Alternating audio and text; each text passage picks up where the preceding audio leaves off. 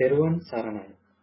ඔබ මේ සවන් දීමට සූදානම් වන්නේ පූජ්‍යපාද අලව්වේ අනෝමදස්සී ස්වාමින් වහන්සේ සමග ශ්‍රාවක පිරිසක් පැවැත් වූ පෞද්ගලික සාකච්ඡාවක පටිගත කිරීමකටය. මෙය පෞද්ගලිකව පැවැත් වූ සාකච්ඡාවක් වුවද එහි සාකච්ඡා වන ධර්ම කරුණු ධර්මයේ සොයන බොහෝ දෙනාට ප්‍රයෝජනවත් වේ යන අදහසින් අන්තර්ජාලයට මුදා හැරෙන.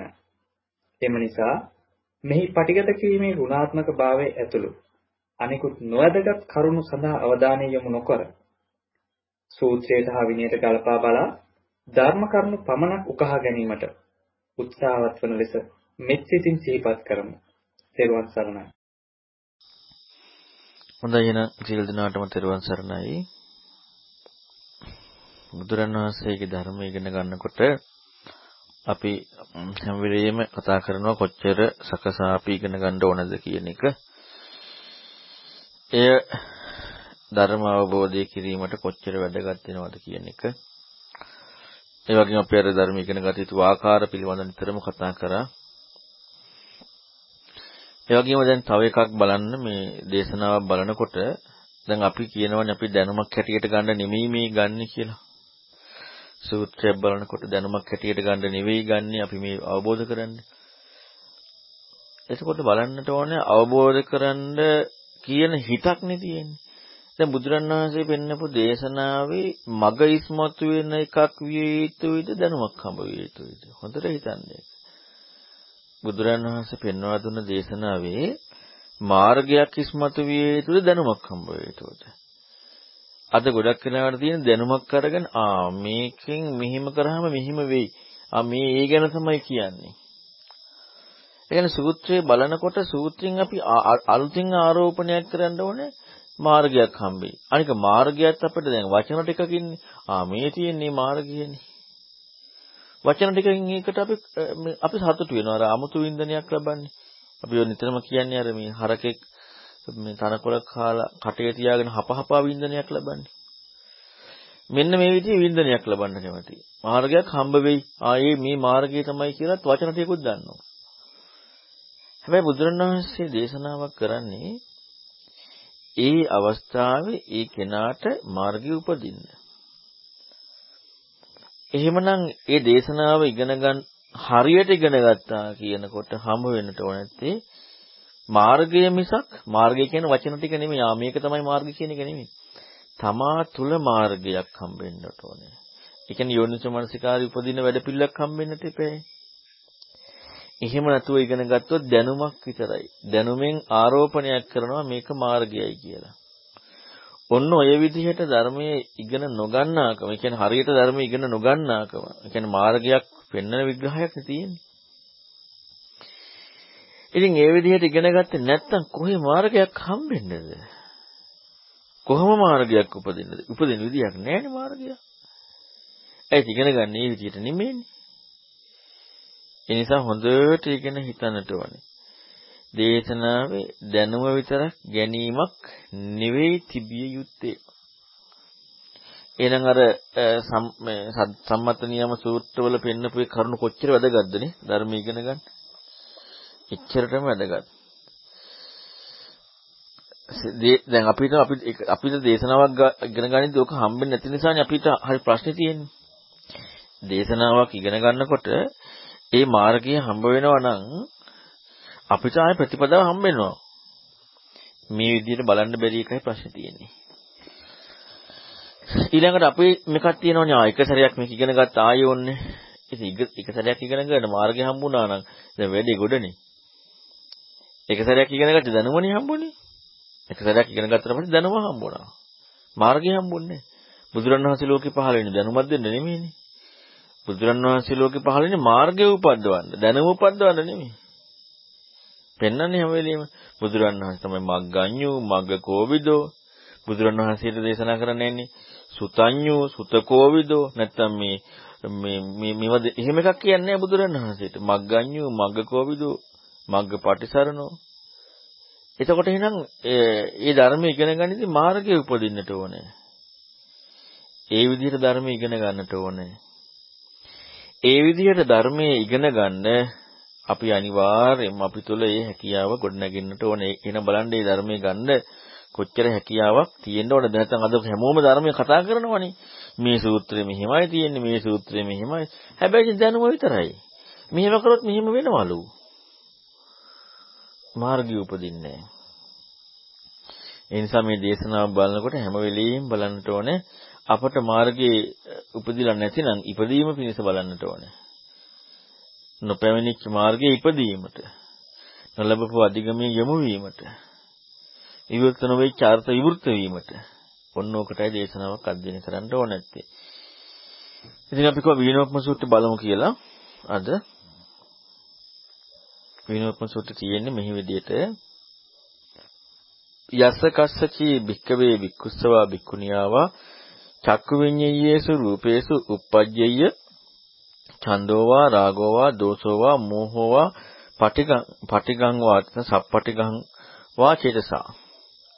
අතෝ චිත්තං නිවාරේ සබහේ සබයෝ චේසෝ මග්ගෝ සප්පටි භයෝ සප්පටි භයෝච සන්න කට්ටෝච සගන් හෝච උම් උම්මංගෝච උම්මග්ගෝච කුම්මංගෝච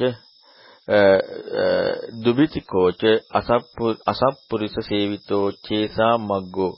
න චේසා මග්ගෝ සප්පුරිසේහි සේවිතෝ නච්ඡං අර අරහසීති තතෝ චිත්තං නිවාරේ චක්කු විඤ්ඤේයෙහි රූපේහි.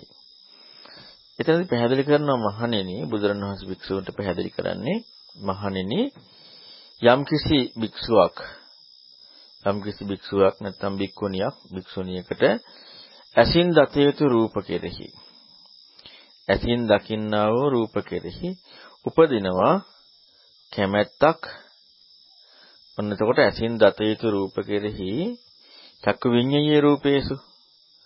ඒතොර විඥාණය නෙමෙයි පැහැදිලි කරන්නේ. විඥාණයෙන් දතගත් දත යුතු රූපේ කියලා. බලන්න ඒතොර කොච්චර වැදගත්ද එහෙම ඉගෙන ගන්නකොට. චක්කු විඤ්ඤායේ රූපේසු. ඇසින් දත යුතු රූපේ. අපට ඕක කියනකොට එච්චර ආ ඔය සාමාන්‍ය දෙයක් නේ. අපි අපි ඔය එච්චර හිතන්නේ. ඒ ඉතින් බුදුරණවහන්සේට ඔය හිතෙච්ච විදිහට කියපු එකක් නේ. බලන්න කොච්චරනම් අපි බුදුරණවහන්සේට තනක් දෙන්නේ නැද්ද? ඇසින් දත යුතු රූප. එතකොට දැන ගැනීම කියන එක හම්බෙනකොට රූපය. දැන ගැනීමක්. ඒ රූපය. උපජ්ජය උපදිනවා ඡන්දයක්. එතකොට දැන් මෙතන භික්ෂුවක් භික්ෂුණියකට පැහැදිලි කරන්නේ ඇසින් දත යුතු රූපය ඒක හට ගන්නවා ඡන්දයක්. එතකොට රූප මොකද්ද කියන එක නෑ අදාළ. හැබැයි ඇසින් දත යුතු. දැනගත්ත දෙයක් ඈ. බලන්නතර කොච්චරනම් මේක ගැඹුරුයිද? දැන ගැනීම නෙවෙයි දැනගත්ත. ඡන්දයක්, රාගයක්, ඒතර කැමැත්තක්. කැමැත්තක හතරෙන් පිළිගත්තනේ. හරි කියලා. විඥාණයට හම්බ දැනගත්ත දේ හතරෙන් පිළිගත්තා හරි කියලා. රාගයක්. ඒක මොකද්ද කියනකොට අන්න රාගය ආවා. ද්වේෂය, ද්වේෂය, මෝහය, ඊළඟට සප්පටික පටික කියන්නේ පටිගයක් නැත්නම් ඒක මේ මේ දැන් පටික කියන්නේ ගැටීම කියන කාරණාවත් එක්කනේ කියන්නේ ඒක හම්බුණා කියන එක. මෙන්න මේ විදිහට දෙයක් චේතසෝ සිතට සිතී හට ගන්නවා. ඒකෝ දැන් එහෙනම් අර ඇසට පිළිසරණ මන කියන කාරණාව මේකෙන් ඉස්මතුලා එනවනේ. සිතේ හටගත්තා. ඇසෙන් දතිත රූපෙක. තතෝ චිත්තං නිවාරේ මේ කාරණාව සිතින් අයින් කරාම ඒ කියන්නේ ඒක වලක් ඒ ඒ උපදින කාරණාව මේක සිතින් වල වලකන්නේ යන්නේ ඒක වික්ෂුවහා වික්ෂුණීහා වලකන්නේ කියනවා සිතින් එතකොට සබ්බයෝ චේසා මග්ගෝ සප්පටි සප්පටි බහයෝ මෙන්න මේ යම්කිසි මහා බියක් සහිත තියෙනවද මහා බියක් සහිත තියෙනවද ඒ වගේම පටිභයක්. ඒ කියන්නේ සප්පටි භයෝ. ඒ කියන්නේ විශාල බයක් කියන කාරණා සප්පටි භයෝ. සකන්ටකෝ. ඒ වගේ කටුවක් සහිතද. ගහන ගහ කටු සහිත ඒ වගේම වැරදි මාර්ගේ උම්මංගෝ කුම්මංගෝ ගහන සහිත නොමගක්. ගහනද සහිතයි අර කියන්නේ අදුරුයි කියන වගේ නිකන් වැරදි කියන එකම තමයි කුම්මංගෝ වැරදි මගක් ඊළඟට නපුරු මගක් දුබි දුබිතිකෝච නපුරු මගක් මෙන්න මේ කාරණාව අසත්පුරුෂ සේවිතෝ චේතෝ මග්ගෝ. මෙන්න මේ කාරණාව මේ මාර්ගය අසත්පුරුෂයා සේවනය කරනවා. එතකොට දැන් අසත්පුරුෂයා සේවනය කරනවා මෙන්න මේ මාර්ගය. ඒ කියන්නේ දැන් අර අර විදිහට නිවාරණය උන් නැති වුනහම දැන් නිවාරණය වලකනවා භික්ෂුවක් හරි භික්ෂුණියක් හරි නිවාරණය කරනවා සිත ඒ කාරණා වෙන්න. නමුත් මේ ඔය ඔය කාරණා ඔය ඔය ඕක බිය සහිතයි. ඔය ඔය විදිහට උපදින එක. මේක අසත්පුරුෂයා සේවනය කරනවා. මොකද මේ බිය සහිත මේ ඡන්දය, රාගය, දෝෂය, මෝහය, පටිඝය මෙන්න මේ කාරණා ඇති වෙන එක බිය සහිතයි. ඒක අසත්පුරුෂයා සේවනය කරනවා. නචේසෝ මග්ගෝ සත්පුරුෂේහි සේවිතෝ සත්පුරුෂයයි මාර්ග සේවනය කරන්නේ නොතං අරහසේති තතෝ චිත්තං නිවාරයේ චක්කු විඤ්ඤේයෙහි රූපේහි. මෙන්න මේ සත්පුරුෂයා ගැන මේ කියන්නේ කියලා ඊළඟට නොතං ඊළඟට බුදුරණස් භික්ෂූන්ට අමතනවා තොපි නුඹලා. සුදුසු නෑ. නොතං අරහසීති අරහ කියනකොට සුදුසුයි කියන එක. නොතන් නුඹලා සුදුසු නෑ කියනවා. මොකද්ද? ඒ ඇසින් දත යුතු රූප දැන් අර විදියට එනවනම් නුසුදුසුයි. කියන්නේ නුසුදුසුයි. සුදුසු නෑ කියනවා.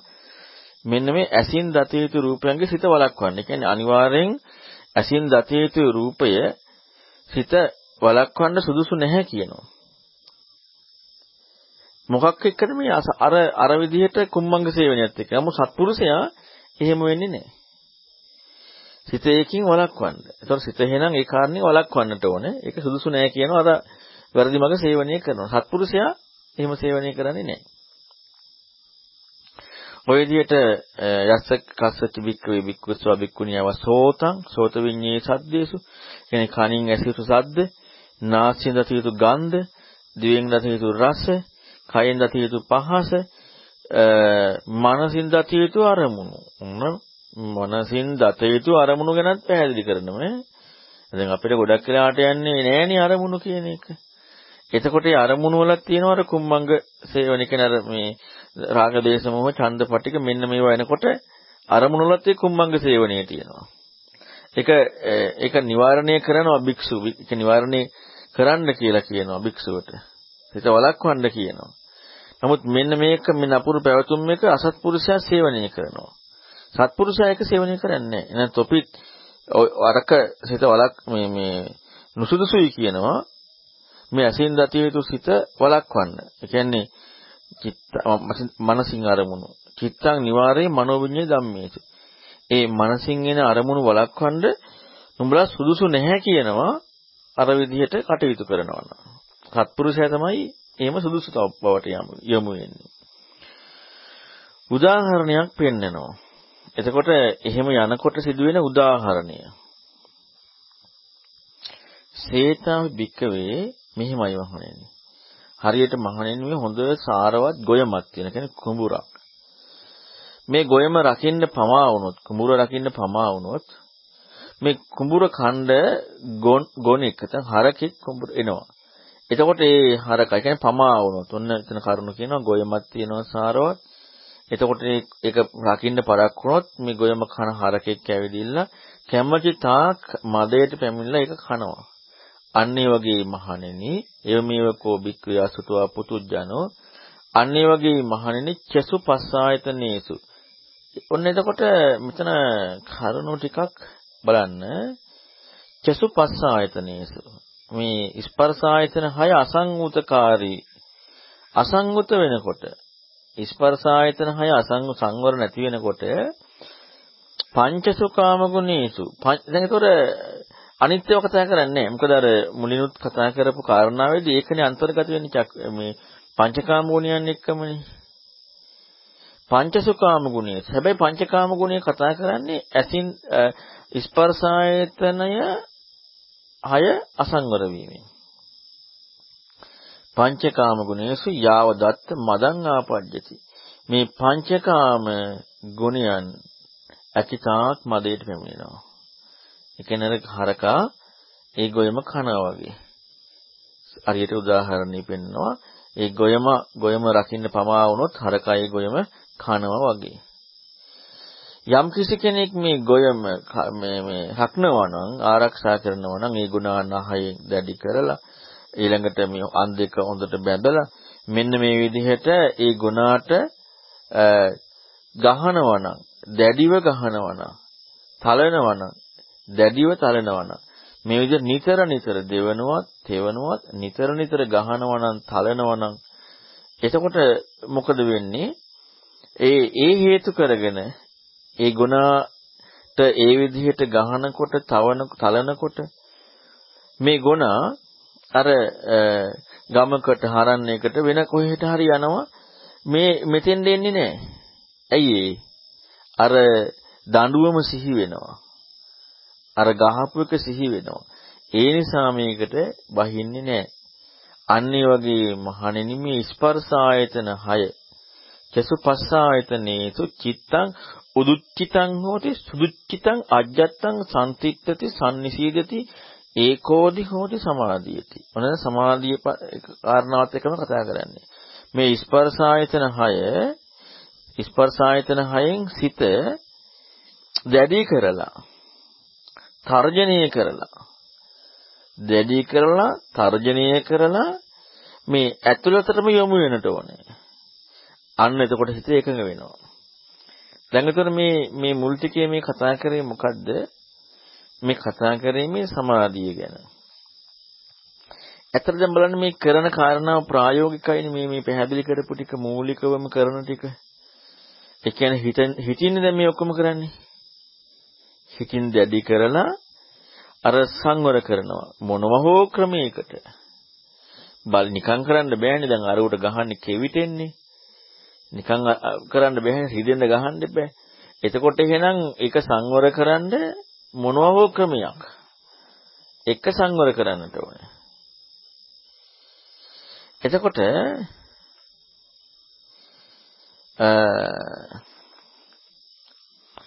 ඊළඟට බුදුරණවහන්සේ පැහැදිලි කරනවා දැන් මේ උදාහරණය දුන්නේ ඒ කාරණාවත් එක්ක. ඔන්න ඊළඟට අර අපි දැන් විතර අහලා තියෙන උදාහරණය කියනවා. සේතා බික්කවේ රඤ්ඤෝවා රාජ මහාමත්තස්සවා වීනාය සද්දෝ අසුත්ත පුබ්බවෝ අස්සසෝ වීනා සද්දෝ සුනේය මේ රජෙකුට හරි රජ මහා ඇමතියෙකුට හරි නොඇසූ වීණාවක හඬක්. ඒ කියන්නේ කලින් අහපු නැති වීණාවක හඬක් අහන්න ලැබෙනවා.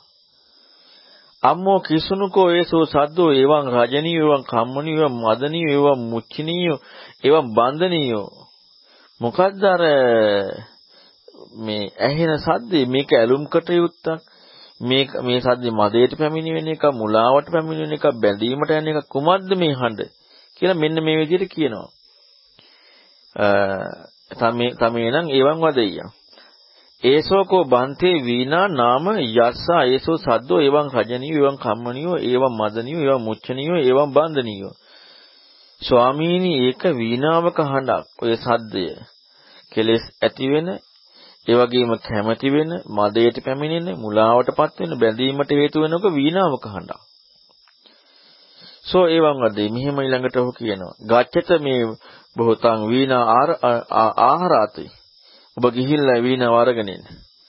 තසතං වීණං ආහාරයෝ. ඒ වීණාව අරන් එනවා. තමේනම් එවං වදේ ඊට පස්සේ මෙහෙම කියනවා.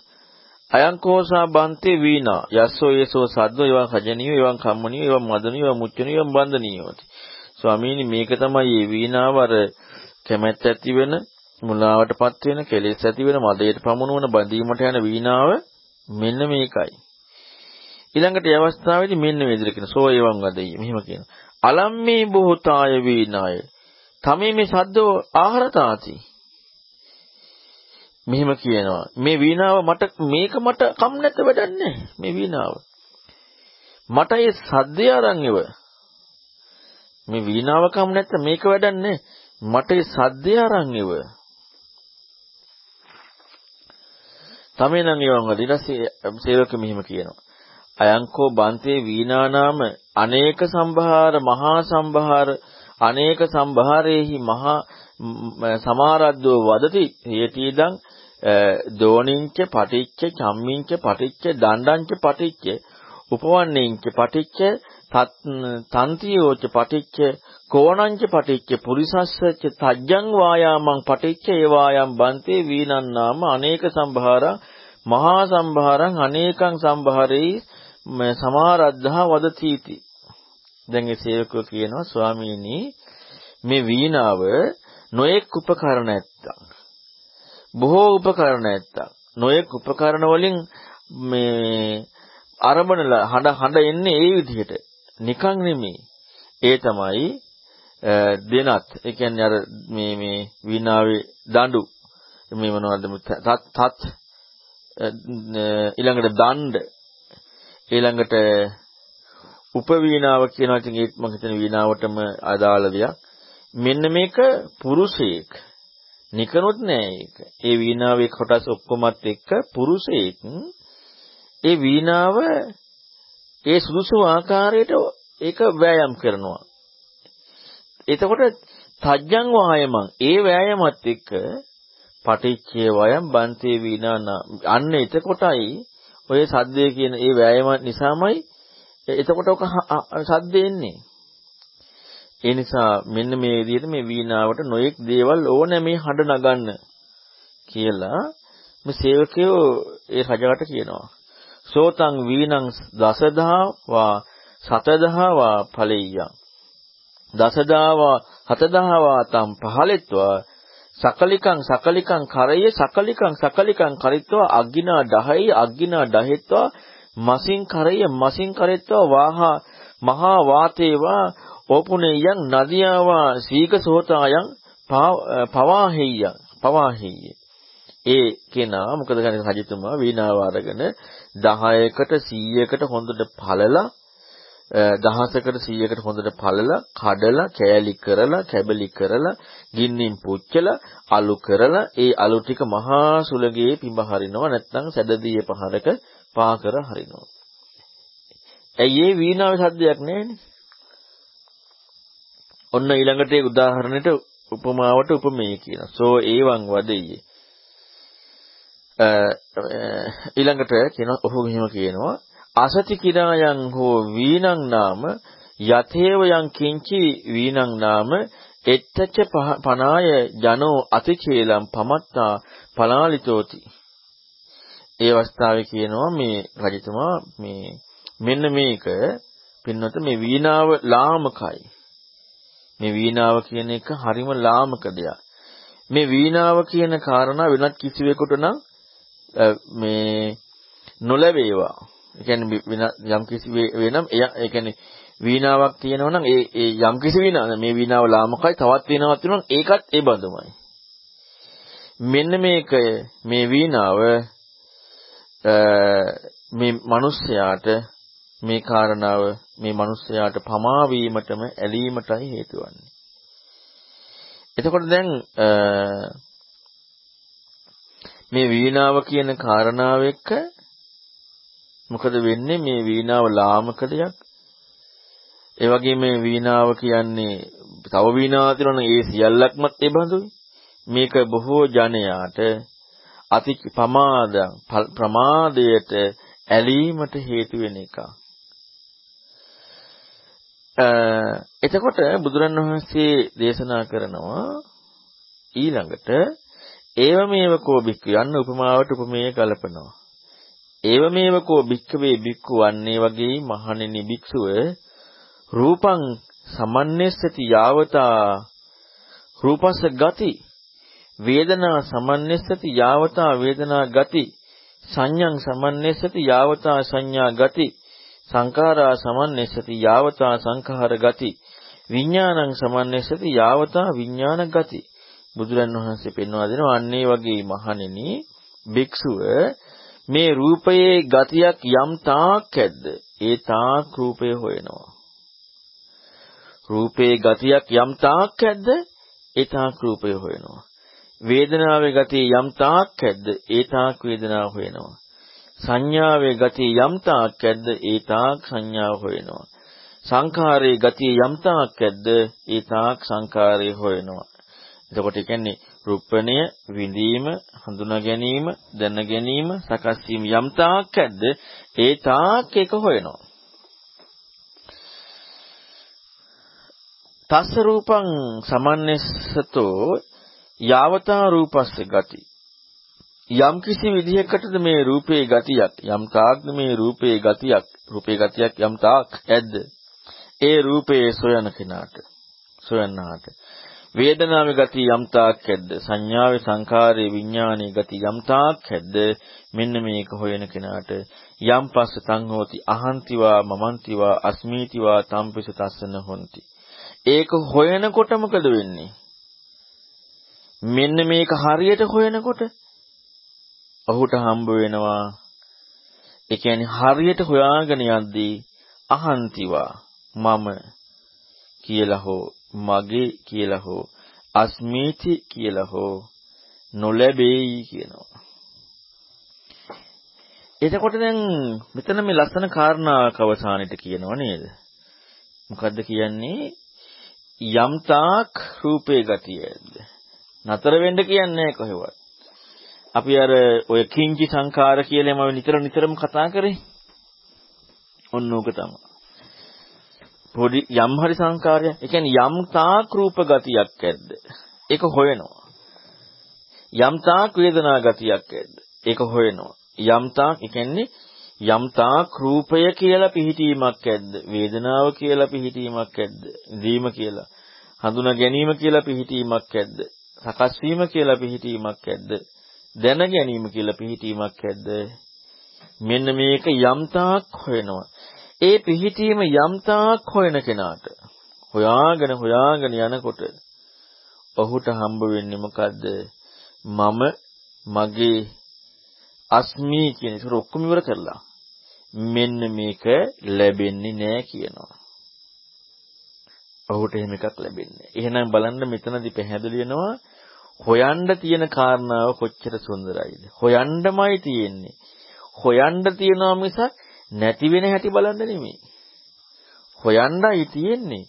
දැන් අපිට යම් තාක් පිහිටපො දෙන්න තුමා එක පිහිටීමක් අතහැරලා අනිත් එක හොයන්නේ. ඉතින් ගතිය අතහැරලානේ. ඒ ගතිය අනිත් ගතිය ඒක හොයන්නේ යම් තාක් ගතියක් ඇද්ද ඒ තාක් ගතිය හොයාගෙන යනකොට හම්බෙන්නේ. කොයි වගේද උදාහරණ කිව්වේ? එයින්ම හටගත්ත සද්දයක් ඉන්නේ පුරුෂයා වාදනය කරනකොට වීණාවේ. වීණාව වාදනය කරනකොට එයින්ම හටගත් සද්දයක් එන්නේ. වෙන සද්දයක් නෙවෙයි. එයින්ම හටගත්. අන්න කාලය කියන එක ඉක්මවනවා. අර ඊයේ අපි කතා කරේ මේ බව කියන එක, තතෝ නිදානං කියන එක, තජ්ජං කියන මේ කරුණ. එතකොට දැන් අපි හොයනකොට තජ්ජ බව නෙමෙයි එන්නේ. අපි තජ්ජයි කියලා හිතුවට දැන් හිතන එකත් එක්ක ගන්නකොට අර විඳීම කියන එක දැන් වෙන එකක් නේ. ඒක බාහිරනේ. ඒ මනට ධම්මාරම්මණයක නිවිදීම ගැන හොයන්නේ. ඉතින් ඒක බාහිර දෙයක්. සත්‍ය කියන කාරණා එයින් හටගත්ත කියන එක නැහැ. එතකොට එහෙනම් මෙන්න මේ දැන් වීණාවට කලකිරුණානේ. ඒ කියන්නේ සජා වීණාවට කලකිරුණේ ඇයි? සද්දය හොයාගෙන හොයාගෙන හොයාගෙන යද්දී සද්දය කියලා දෙයක් හම්බුන්නේ පැවැත්මට කලකිරුණා. ඒ හම්බෙච්ච විදිහට කලකිරුණා. සද්දයක් නේ හෙව්වේ. වෙන දෙයක් හෙව්වේ නැහනේ. සද්දේ හෙව්වේ. සද්දය හොයාගෙන යනකොට ඇත්තට මේ සද්දේ සද්දේ යම් තාක් මොකකින් හරි හම්බෙනවද? ඒ තාක් සද්දය කියන කාරණාව මොකද්ද කියලා බලනකොට ඒ කියන්නේ අර සියලු වීණාත් එහෙමයි කියලා කියන්නේ. ඒ කෙනාට සද්දය කියන කාරණාව හම්බ වුණේ නැහැ. අර වීණාව පල්ලා විසික් කරා. මෙන්න මේ වගේ මේ රුප්පණිය විඳීම හඳුනා ගැනීම සකස් වීම දැන ගැනීම කියන එක යම් තාක් ඇද්දේ තාක් හොයාගෙන හොයාගෙන හොයාගෙන යනකොට ඒ කරුණ මොකද්ද කියලා. අන්න එතකොට හම්බෙන්නේ මම. මොකද අපි දැන් හොයා හොයන්න පටන් ගත්තාම දන්නවනේ රුප්පණිය විඳීම. මෙතන අස්මිතිය එක්කම මේ පැහැදිලි කරන්නේ අරහත්ත්වයටපත් වෙනවමයි කියන්නේ. මම කියන කාරණාව අත්ත කියන කාරණාව තන් ඒ අයම අයන් මේ මේ මම නැත්නම් මේ අත්ත එතකොට අස්මීති එහෙමනේ හම්බ වෙන්නේ එතකොට මේක හොයන් යනකොට අන්න හරිය නෑ අන්න එතකොට මොකෙන්ද ශුන්‍ය වුනේ අත්තේන වාත්තනියන් වා ශුන්‍යයි. ඒතකොට ඒක ශුන්‍ය වෙනකොට හොයාගෙන ගියේ කාරණාව. ඉතින් හොයාගෙන ගිය කාරණාව මටයි හම්බෙන්නේ. මගෙන් තොරව ඒ කාරණාව කියන එකක් නෙමෙයි. ඒක තමාගෙන් තොරව කියන එක නෙමෙයි. තමා වැරදි කියලානේ හම්බෙන්නේ. තමා වැරදි. දැන් අපි ගත්තොත් රූපං නිච්ඡං වා අනිච්ඡං වාති අනිච්ඡං බන්ති යම් පන අනිච්ඡං දුක්ඛං වාතං සුඛං වාති දුක්ඛං බන්ති යම් පන අනිච්ඡං දුක්ඛං විපරණාම ධම්මං කල්ලන්නතං සමනපසුලං ඒසං මම ඒසෝමත්මි ඒසොමියත්තාති ඒතොර කරුණ ටිකම මම මගේ මේ ආත්මයයි මගේ ආත්මය. කියනම සුදුසුද? සුදුසු නෑ. සුදුසු නෑනේ. සුදුසු නෑ. අන්නේ කාරණාව හම්බ වෙනවා අවසානයේදී ඉක්මවනවා සුදුසු නෑ හොයාගෙන සුදුසු නෑ. අන තජ්ජං එයින් හටගත්ත කාරණාව ඒ හෙවීමෙන්ම මම පාදක වෙලාමයි. කියන්නේ යමක් කියන කාරණාව හම්බ වුණා නම් විග්‍රහයක් දැනගත්තා නම් වින්දන මම කියන කාරණාව හම්බ වෙලා. එතකොට ඒක ඉක්ම වෙනවා හොයන් යනකොට වෙන දෙයක් නෙමෙයි ඉක්ම වෙන්නේ.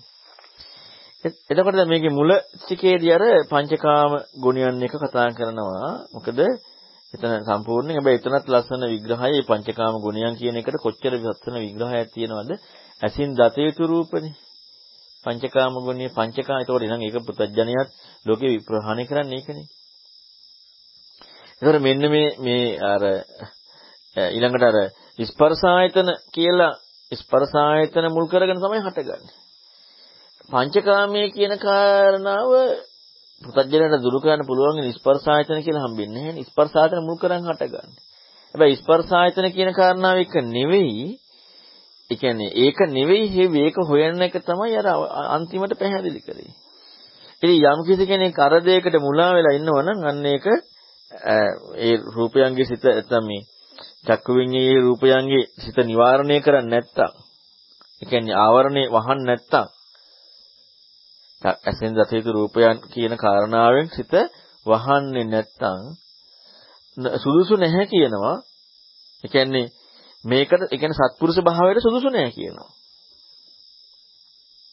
වහන්න නැත්නම් සත්පුරුෂ භාවයට සුදුසු නැහැ. සත්පුරුෂ තමයි ඒක වහලා තියෙන්නේ. එතකොට ඒක වහන හැටි තමයි අර පැහැදිලි කරේ. ඊළඟට සම්පූර්ණයෙන් පැහැදිලි කරලා පෙන්නනවා මේ ඊතර වීම කියන කාරණාව. ඉතින් එහෙනම් මේකේ තියෙන ප්‍රශ්න අහන්න තිරුවසන්න. තිරුවසන්න සමහරවිට මෙතන මේ අර රූපයේ ගති යම්තා කියලා කියප එක තව පොඩ්ඩක් අපිට පැහැදිලි කරා ගන්න ඕන.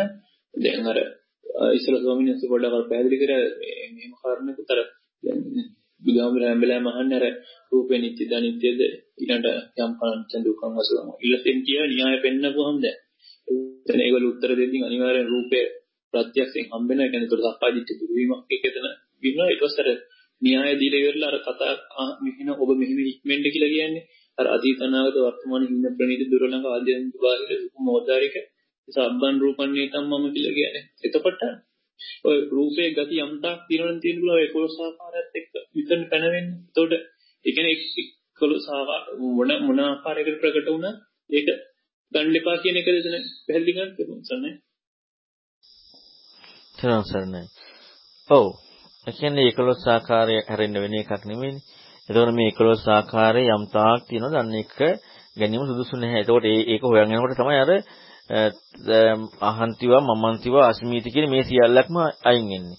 දැන් 11 ආකාරය කියනකොට අපි හැම වෙලෙම බලන්නේ හොඳට ඉතල බලන්නකො 11 ආකාරයේ තියෙන කාරණාවේදී ආධ්‍යාත්මයේ බාහිර ප්‍රධාන වශයෙන් අපි ඔය ගමුකෝ දැන් අපි අතීත අනාගත වර්තමාන අපි ඕවා බලන්නේ නැහැ කියලා අපිට ඕවට යන්නේ නැහැ කියලා හිතෙනවා.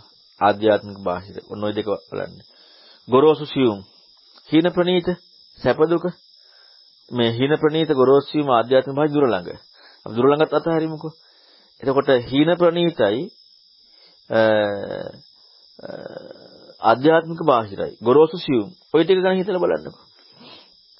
එතකොට දැන් ඔන්න අපි ඔන්න වේදනාවක් කියන කාරණාව සංස්කාරයක් කියන කාරණාව මේ සංස්කාරය මේ මේ හේතු නිසා දැන් මෙතන මම කියලා ගත්තා මේක තමයි වැරද්ද මේක මේ හේතුවෙන් එතකොට එහෙනම් ඒ ඒ ගොරෝසුවෙන් හම්බෙච්ච එකනේ ඉතින් සියුම්ම දැන ගැනීම සියුම්ම දැනගත්තනේ මොකද දැනගත්තේ ඒ දැනගත්ත ඒ ඒ විඥානය තමයි ඒ දැන ගැනීම තමයි ආ මේක තමයි මේ සංස්කාරය කියලා දැනගත්තා. මේ සංස්කාරය මම ආ මේක වැරදි කියලා දැනගත්තා.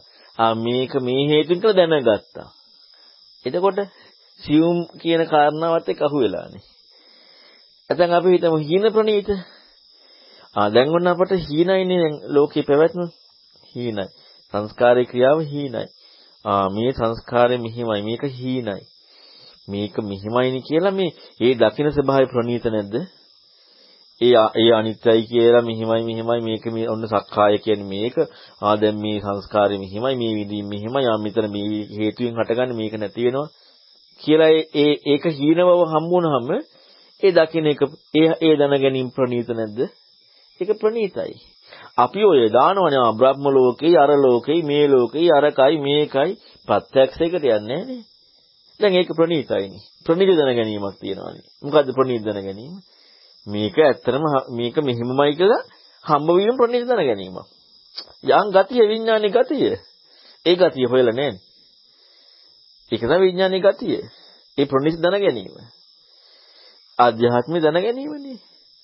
අරක බාහිර බාහිර කියලා යෙදෙනවා ඊට පස්සේ මේ ඇයි අපි ඒ ඒ ස්වභාවය අන්‍ය ස්වභාවය.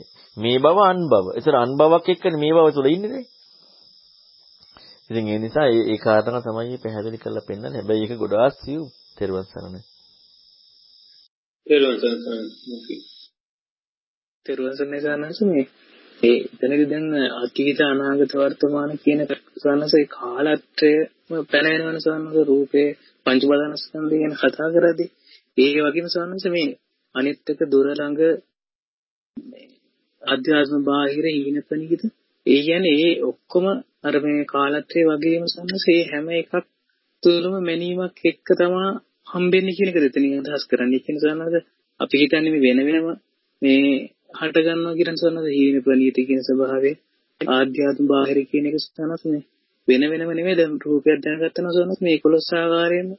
11 ආකාරයේ මැනීමක් එක්ක පැනවීමක් වගේ අදහසක් එතනින් අදහස් කරන සපනස් තෙරවසන්නයි. වෙන වෙනම කියන්නේ අපට ප්‍රකට වෙන එක නෙවෙයි කතා කරන්නේ. හිතන එක නෙවෙයි ප්‍රකට වෙන එක. හිතුවත් කමන්නේ හැබැයි ප්‍රකට ඇත්ත ප්‍රකට වීම.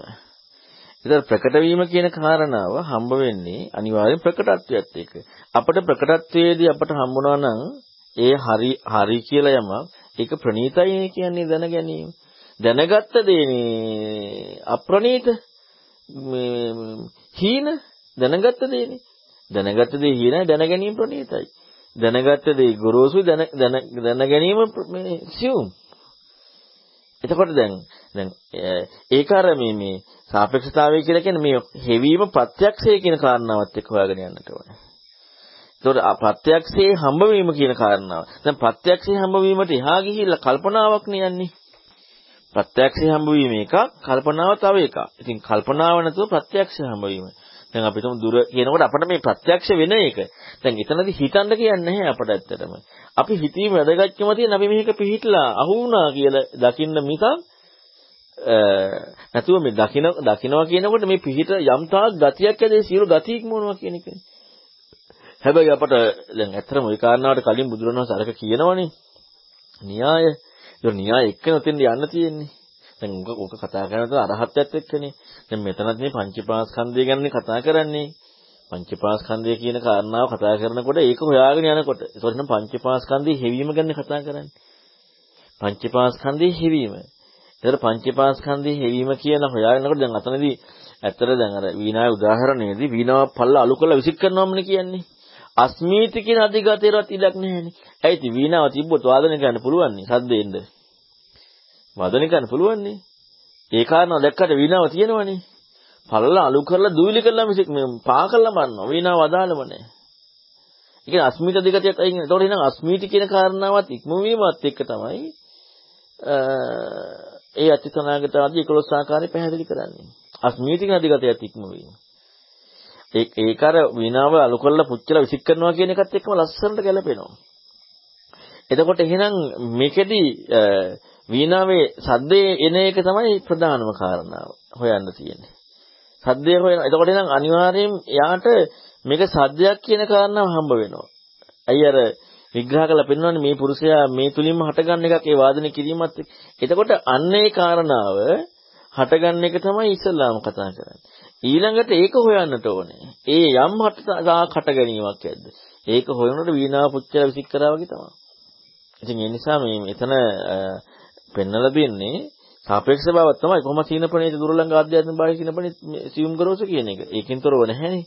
ලෝකේ පැනවීමක් ඒ පනව පැනගත දේ එක්ක ප්‍රත්‍යක්ෂයෙන් හොයන එක. නැතුව පනවගත දේ හොය හොය යන එක නෙමෙයි. ඒක ප්‍රත්‍යක්ෂයෙන් හම්බෙන එක. දරුවන් සරණයි. දරුවන් සරණයි. දරුවන් සරණයි ඒ කියන්නේ දැන් අපිට ප්‍රත්‍යක්ෂය හම්බෙමින් ඔය 11 ආකාරයෙන් එකක් තමයි හම්බෙන්නේ. නැතුව හම්බෙන ප්‍රත්‍යක්ෂය ඔය 11ට බෙදන්න කියන එක නෙමෙයි නේද සොන්නේ ඔව් හම්බෙන එක බෙදන්න කියන්නේ. ඒතොර අපි හෙවිල්ලන්නේ කරන්නේ. හම්බෙන ප්‍රත්‍යක්ෂය ඔකත් එක්ක. අපි මුලා වෙලා දැන් කියන්නේ මේකේ මූලික સિદ્ધාන්තය කලින් කියන්නේ. අපි මුලා වෙලා ඉන්න තැනදී අපි එකකට අහුවෙලා ඉන්න. අපි දන්නේ නැහැ අහුවෙලා කියලා යම්තාක් විඥානයේ ගතියක් ඇද්ද ඒක අහුවෙලා නැහැ අහුවෙච්ච බව දන්නේ නැහැ. හැබැයි අහුවෙච්ච බව දැන ගැනීමට උපකාරයක් වෙනවා මිසක් දැනගත දේ දකින්න බෑ. දකින්නකොට ඉතින් හොයලානේ දැන් දැන අහුණා කියලා හම්බුණා එච්චරයි. අහුණා කියලා හම්බුණා. අහුණා කියලා හම්බුණා විතරයි දකින්නවා කියන කාරණාවේදී අහුවෙච්ච දේ දකින්නවා කියන එක හොයන එකක් නෙමෙයිනේ තියෙන්නේ. හැබැයි අහුණා කියලා දැනගන්න පුළුවන් අපි මේක ඉගෙන ගැනීම තුලින්. තෙරුවන් සරණයි. තෙරුවන් සරණයි. තෙරුවන් සරණයි ස්වාමීන් වහන්සේ දැන් මේක අර ඉන්ද්‍රිය සංවරයෙන් පටන් ගන්නෙ. ඒ කියන්නේ එහෙන් දත යුතු රූප කියන එක අපිට ප්‍රකටයිනේ. ඒතර ඒකේ ඡන්දය, රාගය, දෝෂය, පටිඝය ඒවා අපිට ප්‍රකටයි. එතකොට එතනදී පුද්ගලයාට ඇතිවන ඒක මේ අනුගමනය නොකළ යුතු දුක ඇති වෙන ප්‍රතිපදාවක් විදිහට දැනගෙන සත්පුරුෂයා ඒක වළක්වනවා. ඒතර ඒ වළක්වන ක්‍රමය ඉන්ද්‍රිය සංවරයේ විදිහට මෙතන දැන් අර හරකට ගහලා ගහලා ගොයමෙන් ඒ හරකා වළක්වනවා. එතකොට හරකට ඒ දුක වේදනාව මතක තියෙන තාක්කල් හරකා ගොයමට බහින් නැති තත්ත්වයට ගේනවා. ඊට පස්සේ දැන් බුදුරජාණන් වහන්සේ මේ ඉන්ද්‍රිය සංවරයේ තැන හිත නතර වුණේ නැහැ. ඊළඟට උන්වහන්සේ අරගෙන යනවා සම්පූර්ණ නිවීම කරාම. ඒ දෙවෙනි උදාහරණේ නිවීම කරා යන පැත්තට මේ ශ්‍රාවකයා අරගෙන යන තැනක් නේද ස්වාමීන් වහන්සේ? එතකොට දැන් අර ශබ්දය හොයන්නේ නම් ශබ්දය කියන්නේ වීණාවෙන් නිකුත් වෙන එකක්. ඒකට ශබ්දයට භව්‍ය ස්වරූපයක් නැහැ. එහෙම හොයාගෙන යනකොට ඒකේ අනිත්‍ය දුක අනාත්මය දැකලා ඒයින් තමයි යාට ඒකෙන් ඉතර වෙන පසුබිම හැදෙන්නේ. ඒ වගේ එකක් මට තේරෙන්න ස්වාමීන් වහන්සේ. තවදුරටත් පැහැදිලි කරලා දෙනවා නම් බොහොම පිං. තෙරුවන් සරණයි. ඇත්තටම මෙතන තියෙන්නේ රහත් වෙන ප්‍රතිපදාව, නිවෙන ප්‍රතිපදාව. සෝතපන්න වෙන එක නෙවෙයි. නිවෙන ප්‍රතිපදාව. එතකොට දැන් දැන් අපි දන්නවනේ මේ සත්පුරුෂයා කියලා කතා කරනකොට සත්පුරුෂයා ඔකට යොමු වෙන්නේ සත්පුරුෂයාගේ හික්මෙන් ප්‍රතිපදාව. සත්පුරුෂයා කියලා කතා කරලා පෙන්නනවා සත්පුරුෂ භාවයේ සැබෑ සත්පුරුෂ භාවය. සත්පුරුෂයාකට යොමු වෙන්නේ. ඒක සත්පුරුෂයාගේ යොමු නොවන ප්‍රතිපදාව ඉස්මතු කරලා පෙන්නනවා. එතකොට එහෙම යොමු වෙච්ච කෙනා අරහත්ත්වයේ දක්වාම යන විග්‍රහය පැහැදිලි කරලා පෙන්නනවා අර මේ පංචපාස්කන්ධයේ විඥානීය ගති යම්තාක් ඇද්ද ඒ තාක් හොයාගෙන යන හැටි. එතකොට දැන් මෙතන සෝතාපන්න වීමක් ගැන කතා කරන්නේ නැහැ. සම්පූර්ණයෙන් අරහත් වීම කතා කරන්නේ. අරහත් වීම කතා කරනකොට දැන් බලන්න අර අර සංවරයත් කතා කරනවා. එතකොට ඒ සංවරයත් එච්චරටම අවශ්‍යයි. අරහත් වෙන්න අරහත් වීම සඳහාම විග්‍රහ කරන්නේ. ඊළඟ සත්පුරුෂයා අර කුම්මංග සේවනියට යොමු වෙන්නේ නැහැ කියනවා. අන්න සත්පුරුෂ භාවයේ ඉස්මතු වෙනවා. ඊළඟට සත්පුරුෂ භාවයේ ඉස්මතු වෙලා යා සත්පුරුෂයා අර විදියට හික්මෙනවා. දැන් බලන්නකො ඉස්සල්ලාම කාමරාග පටිගයත් එක්කනේ මේ ප්‍රශ්නේ තියෙන්නේ. හොතපන්න වෙච්ච කෙනාට. ඒතර කාමරාග පටිගය එක තියෙන ප්‍රශ්නේ ඉක්මවීම අරහත්ත්වයේ දක්වා මේක හොයන එකත් මේ සියලු දේ එතන පැහැදිලි වෙනවා. එතකොට කෙනෙකුට හිතෙන්න පුළුවන් මේ එහෙනම් ඉතින් අපි මේක ඉගෙනගෙන වැඩක් නැහැ නේ කියලා. අපිට මේක අදාළ නැහැ නේ කියලා. ඉතින් අරහත්ත්වයේ පිළිබඳ සත්‍ය ඥානයක් නෙන්නේ සත්සෝතාපන්න වෙනවා කියන්නේ. සත්‍ය ඥානේ එනවා කියන්නේ බුදුරන් වහන්සේ කොතනකවත් ඉලක්ක කරලා පෙන්වන්නේ නැහැ සෝතාපන්න වෙන්න කියලා. බුදුරන් සෝතා බුදුරන් වහන්සේ පෙන්වන්නේ දුක දුක්ඛ නිරෝධයත්. මිසක් මේ සෝතාපන්න කියලා එකක් පෙන්වන්නේ නැහැ. ඒක මේ අපි සමාජයෙන් අපි දාගත්ත එකනේ අපි දැන් ඒකට බහුවත්වයක් දීලා අපි යන්න හදනේ. සෝතාපන්න දුක කියන එක හරියට දැකීම දුක්ඛ නිරෝධය දැකීම මෙන්න මේකට හොතාපන්නයි කියනවා. බුදුරණවහන්සේ පෙන්වන්නේ දුක පෙන්වනවා දුක්ඛ නිරෝධය පෙන්වනවා. එහෙනම් මේ දුක්ඛ නිරෝධය කියන කාරණාව හොයනවා කියන එක සෝතාපන්න සෝතාපන්න වෙනවා කියන කාරණාවට අදාළයි. නැත්තම් නැත්තම් කොහෙද මේ සෝතාපන්න වෙන්නේ? ඒ කියන්නේ සෝතාපන්න කෙනාට නිරෝධ ඥානයක් හොයාගන්න තියෙන්නේ. එහෙනම් මේ කාරණාවේදී අපිට තියෙනවා අපි කරන කාරණාවක් ඔස්සේ අපි යම්කිසි මට්ටමකට හරි දැන් අපි ඇත්තටම රූප වේදනා සංඥා සංකාර රූපණීය විදීම හඳුනාගෙන දැන ගැනීම කියන මේ කරුණු හම්බුණා කියනකොට අපි හරියටම හම්බුණාද කියලා බැලීම අපිට මේක ප්‍රධාන වශයෙන් හේතු වෙනවා හොයන්න. එතකොට Nirodha කියන කාරණාව සත්‍ය ඥානට යන්න විශාල රුකුලක් මේකට තියෙනවා. හැම දෙයකටම දැන් මේ උදාහරණයෙන් වින උදාහරණයෙන් පෙන්වන්නෙම මේ පංචපාස්කන්ධයේ ස්වභාවය ඉස්මතු කරලා පෙන්නනවා. එතකොට මේ පංචපාස්කන්ධයේ ස්වභාවය ඉස්මතු කරපු කාරණාවත් පංචපාස්කන්ධය කියන කාරණාව හරියට තේරුම් ගන්න. ඒ Nirodha කියන කාරණාව අනිවාර්යෙන් අවශ්‍යයි. Nirodha සත්‍ය ඥානි අනිවාර්යෙන් අවශ්‍යයි. ඉතින් ඒ නිසා මෙතන පෙන්වන්නේ මේ අරහත්ත්වයේ එක්ක පැහැදිලි කරන විග්‍රහයක්. තෙරුවන් සරණයි. තෙරුවන් සරණයි මේ මට මේ සූත්‍රය අහද්දී මට වෙන විදිහකට ඒක නිකම් එහෙම කල්පනා වුණා. දැන් මට හිතෙන්නේ යට ඒකෙන් පෙන්නපු එකත් අර පෙන්නන්නේ උඩ දැන් ඉන්ද්‍රිය සංවරය වෙන්නේ මේ ආකාරයෙන් කියලා මම හිතන්නේ. කියන්නේ ඒ ස්පර්ශ ආයතන හයෙහි සිත තර්ජනය කරා කියලා කියන්නේ දැන් හයක තර්ජනය කරන්න බෑනේ මේ පුතඥයෙක් පහකින් උපරිම කරන්න පුළුවන්. දැන් අනික දැන් අපි දන්නවා අරහත් ඒ කියන්නේ කාමාස්ත්‍රයෙන් භවස්ත්‍රයෙන් අවිජ්ජාස්ත්‍රයෙන් සිත මිදුනේ කියලා කියනවා. එතන දැන් සිත කියලා එතන කතා කරන්නේ නිකන් කතා කරන ලෝකපරියායන එක නෙකේ. කියන්න බෑ නැත්තම් මොකෙන්ද මිදුනේ කියලා. ඒක නමුත් අපි එහෙම නිත්‍ය සිතක් තියනවා කියලා කියන එක නෙමෙයි කියන්නේ. ඒ කියන්නේ කතා කරන ඒ විදිහ එකක් කියන්නේ. ඒ වගේම ස්පර්ශ ආයතන කයෙන් සිත තර්ජනය කරේ කියන්නේ මම කියන්නේ කතා කරන විදිහ කියලා. එතකොට මේ සමාධිය හටගත්තේ අර ක්‍රමයෙන් දකින්නකොට කියලා තමයි මට නිකන් ආවෙ නුතුමින් පරියය දෙකක් නෙමෙයි කියලා මට හිතෙනවා. තේරෙනවද? ඔව් පරියාය දෙකක් නෙමෙයි. එකම පරියාය අර සිදුවෙන ආකාරය. ඒක ඇත්ත. සිදුවෙන ආකාරය තමයි පැහැදිලි කරන්නේ මොකද සත්පුරුෂයාගේ. එතකොට සත්පුරුෂයාගේ සිදුවෙන ආකාරය පැහැදිලි කරනකොට දැන් අරහත්ත්වෙ ඉලක්ක කරලා පෙන්වන්නේ. ඒතර අරහත්ත්වෙ ඉලක්ක කරලා පෙන්වන්නේ සත්පුරුෂයාට සිදුවෙන ආකාරයක් එක්ක. දැන් ඊතර මේකේ අර උදාහරණය ඊළඟට සේයතාපි කියලා පටන් ගන්නව අරක අවසන් කරලා. කොහොමද කියන කාරණා තමයි සේයතාපි කියලා පටන් ගන්නෙ. උදාහරණෙන්නේ කියන්නේ සීතාපි කියලා පටන් අරන් අස්තිමානියම අයින් කරන දක්වාම පැහැදිලි කරන්නේ. එතකොට එහෙනම් ඒ කරන ක්‍රමයට ඒක ආරෝපණය කරබව පේනවා. මොකද ඒ ඇත්තටම ගත්තොත් ඉතින් ආර්ය ශ්‍රාවක වෙන ක්‍රමයකට නෙමෙයි කරන්නේ. ආර්ය ශ්‍රාවකයා කරන්නේ වෙන කිසිම ක්‍රමයකට නෙමෙයි. ආර්ය ශ්‍රාවකයා එතකොට දැන් දැන් අපි හිතමුකෝ මෙහිම පෘථග්ජනයා කාමරාගය දුරු කරන ක්‍රමයක් තියෙනවා. සෝතාපන්න කෙනෙක් අනාගාමි නොවි ධ්‍යාන ලබන ක්‍රමයක් තියෙනවා. සෝතාපන්න කෙනෙක් අනාගාමී නොවි ධ්‍යාන ලබන ක්‍රමයක් තියෙනවා. පෘථජ්ජනයා කාමරාගේ ප්‍රහාණය කරන ක්‍රමයක් තියෙනවා මේ ලෝකෙ. සෝතාපන්න කෙනෙක් අනාගාමී වෙන ක්‍රමයක් තියෙනවා. ක්‍රම තුනක් නේ ඔක. ඊළඟ සෝතාපන්න කෙනෙකුට අනාගාමී නොවි ධ්‍යාන ලබන්න පුළුවන්. එතකොට ඒකමේ එහෙනම් අනිවාර්යෙන් ලෝකයේ ක්‍රමයක් එක්ක අදාළයිනේ. මොකද ලෝක අනාගාමී වුන්නේ නැහනේ කාමරාගේ මේ මේ ප්‍රහාණය වුණාට. සංයෝජන ප්‍රහාණයලා නැහනේ අනාගාමී වුණේ නැහැ. සෝතාපන්න කෙනා. හැබැයි සෝතාපන්න වෙච්ච කෙනෙක් කාමරාගය දුරු කරනවා නම් මේ මේ ඒ නුවණ එක අනාගාමී වෙනවා. ඒ නිසා ඒක ප්‍රහාණය කරන ක්‍රමයේ වැදගත් ඉදිරියට යන්න. ප්‍රහාණය කරන ක්‍රමේ සාමාන්‍ය කෙනෙක් ප්‍රහාණය කරන ක්‍රමේ නම් සෝතාපන්න කෙනාට සමාධියකුයි ලැබෙන්නේ. එයා සෝතාපන්න සමාධිලාභී. එහෙමයි ඉන්නෝනේ. එයාගේ කාමරාගේ නෑ. හැබැයි සෝතාපන්න කෙනා මේ ක්‍රමයට ඒ ඒ හොයන ක්‍රමයට හොයාගෙන ගියා නම් අන්න ඒ කෙනා අනාගාමී වෙනවා. ඉතින් ඒ නිසා ඇතර මේ උදාහරණයේ සීතාපි කියලා ඊළඟට පටන් ගන්නෙත් අර ගවයාට ගහලා සංවර කරන ආකාරය ආර්ය සත්පුරුෂයා කරන ආකාරය ඉස්මතු කරලා පේනවා. සත්පුරුෂයා පෙන්නපු සත්පුරුෂයා කරන ආකාරය. දැන් උදාහරණේ මැදින්නේ සීතාපි කියලා දාන්නේ. අර කාරණාව කියාගෙන ඇවිදින්නනේ.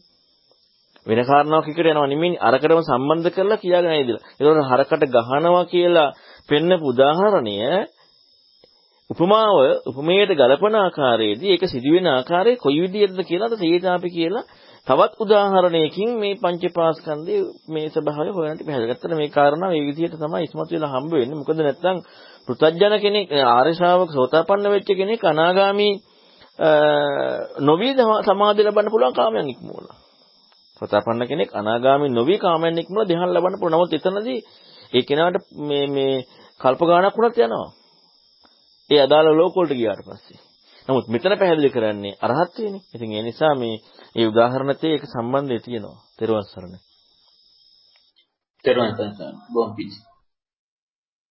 තෙරුවන් සරණයි සංස මේ ඒක අර මුල්ම හරියදී ආයතන හයට ආයතන හයෙන් දත යුතු ඒ රූප ශබ්ද කියන තැන කතා කරනවා අර චේතසෝ කියලා ඒකේ මනෝවිඤ්ඤාණයේසු ධම්මේසු කියන තැනට චේතසෝ කතා කරනවා එතන සංස දැන් ඒ ආයතන හයටම කතා කරන එකෙන් සිතින් දැනගන්නවා කියන එකයි අර උන්හබ්බාමන සූත්‍රය නම් කතා කරන්නේ පංච ඉන්ද්‍රියන්ට මනස පිළිසරණයි කියන තැනින් පොඩ්ඩක් ඒ දෙක එකම මේ පරයයද නැත්නම් ඒක වෙනස්ද කියලා පොඩ්ඩක් පැහැදිලි කරලා දෙන්න පුළුවන් සංස තෙරුවන් සරණයි. තෙරුවන් සරණයි. ඇත්තටම ඔය වගේ කරුණු මතු කරන එක හරි වැදගත්. මොකද එතකොට අපිට හිතන්න ගොඩාක් જાති හම්බ වෙනවා. දැන් පංචකාමයන් කියන කාරණාව හම්බ වෙන්නේ උන්නබ්‍රාහ්මණ සූත්‍රය කියන පැහැදිලි කරලා දෙන ආකාරයට ඒ සිතර කියන එක. හැබැයි දැන් මෙතන බණ්ඩාරච්චිය වගේ මෙතන මේ පැහැදිලි කරලා පෙන්වන්නේ ස්පර්ශ ආයතන හයත් එක්කනේ. එතකොට ස්පර්ශ ආයතන හය කියන කාරණාව එක්ක හොයාගෙන යන්නේ. එතකොට එහෙනම් ඒ කෙනාට ඒ දැන් ඒ කියන්නේ දැන් සත්පුරුෂ කෙනානේ මේ කතා කරන්නේ සත්පුරුෂ කෙනා. සත්පුරුෂ කෙනාගේ ස්වභාවය එයා මේ සියල්ල දන්නවා. හැබැයි සත්පුරුෂයෙක් වුණත් කියන්නේ අපිටම සෝතාපන්න කෙනෙක් වුණත් මාර්ගයට ආව කෙනෙක් වුණත් ලෝකයේ ඉන්නකොට ලෝකේ ජීවත් වෙන්නේ අසකරණාසය දිවකය මනස පිළිසරණ කරගෙනනේ. ඒ ලෝකේ ඉන්නවනේ. අසකරණාසය දිව මනස පිළිසරණ කරගෙනයි ලෝකේ ඉන්නේ. හැබැයි ඒ වුණාට එයාගේ කෝණය වෙනම තියෙනවා මේ ආයතන ක්‍රියාකාරීත්වය. දැන් අනිත් කාරණාවයි අර සංවර වෙනවා කියන එකේ පැහැදිලි කරලම් පෙන්නනවානේ. පුතඥයා චසු පස්සායතනේසු කියලා වෙනම කතා කරනවානේ. එතකොට මේ අසංවර භාවයට අර ස්පර්ශ ආයතන වචනේ දීලා තියෙනවා අසංවර භාවය. සහ පංචකාම ගුණය පැහැදිලි කරනවා. එතකොට එහෙනම් අනිත් පැත්තෙන් අනිත් කෝණය ඉස්මතු වෙන්නට යාට ඒක ඒ කියන්නේ ඒ දකින්න කෝණය අන්න ආර්ය ශ්‍රාවකයාට දකින්න තියෙන කෝණය ආර්ය ශ්‍රාවකයාට මේ ආයතන ක්‍රියාකාරීත්වය කියන මේ ආයතන ස්වභාවයේ හිවීමේදී ආර්ය ශ්‍රාවකයාට ඊතරන බව හම්බ වෙනවා. නමුත් ආර්ය ශ්‍රාවකෙක් වුණත් ලෝකයේ ජීවත් වෙන තැනදී කාමයන් හට ගන්නකොට ඒ කාමය හටගන්නෙම මනස පිළිසරණ කරගෙන. හැබැයි මේක දකින කෝණය දැන් අපි ගත්තොත් මෙහිම සිද්ධාන්තයක් ඇටියට ලෝකේ පැවැත්මනේ මනස පිළිසරණ කරගෙන තියෙන එක. අසකරණාසී දිවකය පිළිසරණ කරනගෙන මනස තියෙන්නේ පැවැත්ම. අසකරණාසය දිවකය මනස පිළිසරණ කරගෙන තියෙන පැවැත්ම. ස්පර්ශ ආයතන ක්‍රියාකාරීත්වයේ පටිසමුපාදි දකින්න නිරෝධය. ඒ අවිද්‍යාවනේ හම්බ වෙන්නේ. ඒක දකින කෝණෙනේ. ඒක දකින කෝණයේ ඊතර වීම මේක හම්බ වෙන හම්බ වීම පැවැත්මේ. හම්බ වීම පැවැත්ම කියන එක තමයි අසකරනාසය දිවකය මනස පිළිසරණ කරගෙන තියෙන එක. පැවැත්මේ හම්බ වීම. ස්පර්ශ ආයතන කියන කාරණාව පටිච්චසමුප්පන්න බය බවත් ස්පර්ශ ආයතන වචනේ කියනකොටම ස්පර්ශයෙන් හටගත් ආයතන කියන එකනේ. ඒ කතාව කරනකොටම තියෙන්නේ පැවැත්ම නෙමෙයි ඊතර වීම. ඉතින් අවිද්‍යාවෙන් සිදුවෙන එක. අතන පෙන්වන්නේ මනසින් පවතින එකක්නේ. එතකොට සීක කෙනෙකුටත් හම්බ වෙනවා පැවැත්මක් කියන එක. ඒ පැවැත්ම තියෙන්නේ ස්පර්ශ ආයතන මේ මේ අසකරණාසය දිවකයි මනස පිළිසරණ කරගෙන. හැබැයි යාගේ කෝණයක් තියෙනවා, ඊතර වෙන කෝණයක්. ඊතර වෙන කෝණය තමයි ස්පර්ශ ආයතන ක්‍රියාකාරීත්වයෙන් සකස් වෙනවා කියන එක. මේ ඒ අවිද්‍යාව අවිද්‍යාව එක මේ මේ මේ සකස් වෙන ක්‍රියාවලිය දකින කෝණය සකස් වෙන ක්‍රියාවලිය පවතින කෝණයෙන් නෙමෙයි දකින කෝණය. ඒකවල දැන් අපි හිතමුකෝ ඇසකරනාසයේ දිවකය කියන කාරණාව පැවැත්මක් තියෙනවා මනස පාදක කරගෙන ඒ ආර්ය ශ්‍රාවකයට. ආර්ය ශ්‍රාවකයාගේ දකින කෝණයේ තියෙනවා පටිච්ච සමුප්පාද න්‍යාය. පටිච්ච සමුප්පාද න්‍යාය දකිනකොට ආර්ය ශ්‍රාවකයාට සමුදේ පැත්ත දකිනකොට නෑ කියන්න බෑ. නිරෝධයේ පැත්ත දකිනකොට තියනවා කියන්න බෑ. එතකොට දැන් මේ කෝණය වෙනසක් දැන් මේ කෝණය ඊතර වෙන කෝණයනේ. ඒ කෝණය යට හම්බ වෙනවා. හැබැයි පැවැත්මක් තියෙනවා. පැවැත්ම ඊතර වෙන කෝණය නෑනේ. පැවැත්ම ඊතර වෙන කෝණේ නෑ. දැන් අපි හිතමුකෝ අවිද්‍යාව ප්‍රත්‍ය කරගෙන හටගන්න මේ ක්‍රියාවලිය දකින්න කෝණිය හම්බුනහම විඥානීය කියන්නේ බොරුවක් නේ. සංකාරය කියන්නේ බොරුවක් නේ. අයි අවිද්‍යාවෙන්නේ තියෙන්නේ. ඇත්තක් වෙන්නේ නෑනේ. නාම රූපය කියන්නේ බොරුවක් නේ. අයි අවිද්‍යාවෙන්නේ තියෙන්නේ. හැබැයි පැවැත්මක් තියෙනවා. ඉතින් බොරුවක් නම් පැවැත්ම තියෙන කතාව හම්බ වෙන්නේ. එතකොට එහෙනම් මේ ලෝකේ පැතරයිලා මැනලානේ. ලෝකේ පැවැත්ම කියන කාරණාව දකින කොනේ නෙවෙයි පටිසමුප්පාදය කියන්නේ. ලෝකේ පැවැත්ම කියන දකින කෝණේ තියෙන ලෝකේ පැවැත්ම විග්‍රහයත් එක්ක. ඊතරවන විග්‍රහය දකින කෝණේ ආර්ය ශ්‍රාවකයාගේ ප්‍රවැත්ම. එතකොට ආර්ය ශ්‍රාවකයා දකින කෝණේ මොකද පටිච්ච සමුප්පාදය කියලා කියන්නේ ලෝකයේ පවතින સિદ્ધාන්තය කියන එක නෙමෙයි. පටිච්ච සමුප්පාදය කියලා කියන්නේ ලෝකයේ ඊතරවන කෝණය. ඊතරවන කෝණයේදී ලෝකයේ දකින විදිය. පවතිනව නම් ලෝකය. ඊතරවන කෝණයෙන් දකින කෝණයෙන් පවතින්නේ කොහෙද? පැවැත්මට වෙනම නිර්වචනයක් කරන්න වෙනවා. අන්න එහෙනම් අසකරනාසී දිවකයි මනස පිළිසරණ කරගෙන පවතිනවා. ඇත්තට මේකේ ලස්සන විග්‍රහයක් තියෙනවා. එතකොට ඒකත් එක්ක එහෙනම් අර දකින කෝණය නිස්මතු වෙලා පේන්නේ ඊට පස්සේ ස්පර්ශ ආයතන 6 මේ මෙන්න මේ විදිහටයි කියලා මේ දකින කෝණයේ දැනගන්න ආකාරය මෙතන ලස්සනට ඉස්මතු වෙලා එනවනේ අර උදාහරණයත් එක්ක පැහැදිලි කරලා පංචපාස්කන්ධ අස්මිති දඩගඩ ඉක්මවනවා කියන එක. ඒ දකින කෝණය ආර්ය ශ්‍රාවකයා. තෙරුවන් සරණයි. තෙරුවන් සරණයි ස්වාමීන් වහන්සේ මේක එතකොට මේ පරයය ඉතාමත්ම ගැළපෙන්නේ මාර්ගයට පැමිණිච්ච කෙනාට මිසක් අර මුලින්ගම්ම පුතඥයේ පටන් ගන්න යන මා ක්‍රමයක් විදිහට නෙවෙයිනේ. ඒක ඒක තමයි හුඟක්ම ගැළපෙන පරයය. තෙරුවන් සරණයි ස්වාමීන් වහන්සේ. තෙරුවන් සරණයි. ඇතරම මේකේ මේ විස්තරේ සම්පූර්ණයෙන් අපි හොයලා බලනකොට ඒකේ තියෙන්නේ මොකද කොහොමත් අර මේ මූලිකව මොකද බුදුරණවහන්සේ හැම වෙලෙම පෙන්වන්නේ මූලික කාරණාව යෝනිසමනසිකාරයේ කියන වැඩපිළිවෙලනේ. ඉතින් මෙතන යෝනිසමනසිකාරයේ කියන වැඩපිළිවෙල කියන කාරණාව නෙමෙයි පැහැදිලි වෙන්නේ සම්පූර්ණ නිවීම කියන කාරණාව. එතකොට නිවීම කියන කාරණාවේදී අර මම අර මුල්නුත් කියවි ආර්ය ශ්‍රාවකයා දැන් අපි ඔන්න ඔය දෙක බලන්නට ඕනේ. මොකද ගොඩාක් වෙලාවට ඔය දෙක අපි ගොඩාක් බල වෙන්නේ නැහැ. සෝතාපන්න කෙනෙක් කාමරාගය ප්‍රහාණය කරන ක්‍රමයක් තියෙනවා සමාධියෙන් සෝතාපන්නමයි යා. සෝතාපන්න කෙනෙක් මාර්ගයෙන් ප්‍රහාණය කරනවා අනාගාමී වෙනවා. එතකොට එහෙනම් රහත්වය හෝ අනාගාමී හෝ වෙන්නේ මාර්ගයට අනුව ප්‍රහාණය කරොත් මිසක් සාමාන්‍ය සෝතාපන්න කෙනෙක් ධ්‍යාන ලබන විදිහට කාමයේ ප්‍රහාණය කිරීම නෙමෙයිනේ. එතන මෙතන සූත්‍රයේ ඉස්මතු වෙලා පෙන්නන අපිට පුතඥය අතහැරලා දාලා මේ සූත්‍රයේ ඉස්මතු කරලා පෙන්නන්නේ අරහත් වීමනේ. එතන සෝතාපන්න කෙනෙක් අරහත්ත්වයට පත් වෙන විදිහට කාමරාගේ ප්‍රහාණය කළ යුතුයි මිසක් සෝතාපන්න කෙනෙක් ධ්‍යාන ලබන විදිහට කාමරාගේ ප්‍රහාණය කිරීම නෙවෙයි. ඒ කියන්නේ සංයෝජනේ ප්‍රහාණය නොවන විදිහට මේ කාමරාගය කියන කාරණා ප්‍රහාණයම නෙමෙයි. සංයෝජනේ ප්‍රහාණය විදිහට වෙන විදිහට කාමරාගය ප්‍රහාණය කිරීම. අන්න එහෙනම් ඒ මේ ප්‍රතිපදාව සම්පූර්ණයෙන් ඒ අරහත්ත්වයටපත් වෙන්නේ ඒ ක්‍රමයට. එහෙම නැති වුණොත් එහෙම අරහත්ත්වයටපත් වෙන්නේ නැහැ. ඒ කාමරාගේ ප්‍රහාණය වෙන්නේ සංයෝජන දුර වෙන ක්‍රමයට නෙවෙයි සෝතාපන්න කෙනෙක් ධ්‍යාන ලබන ක්‍රමයට. සෝතාපන්න කෙනෙක් ධ්‍යාන ලබන ක්‍රමයට.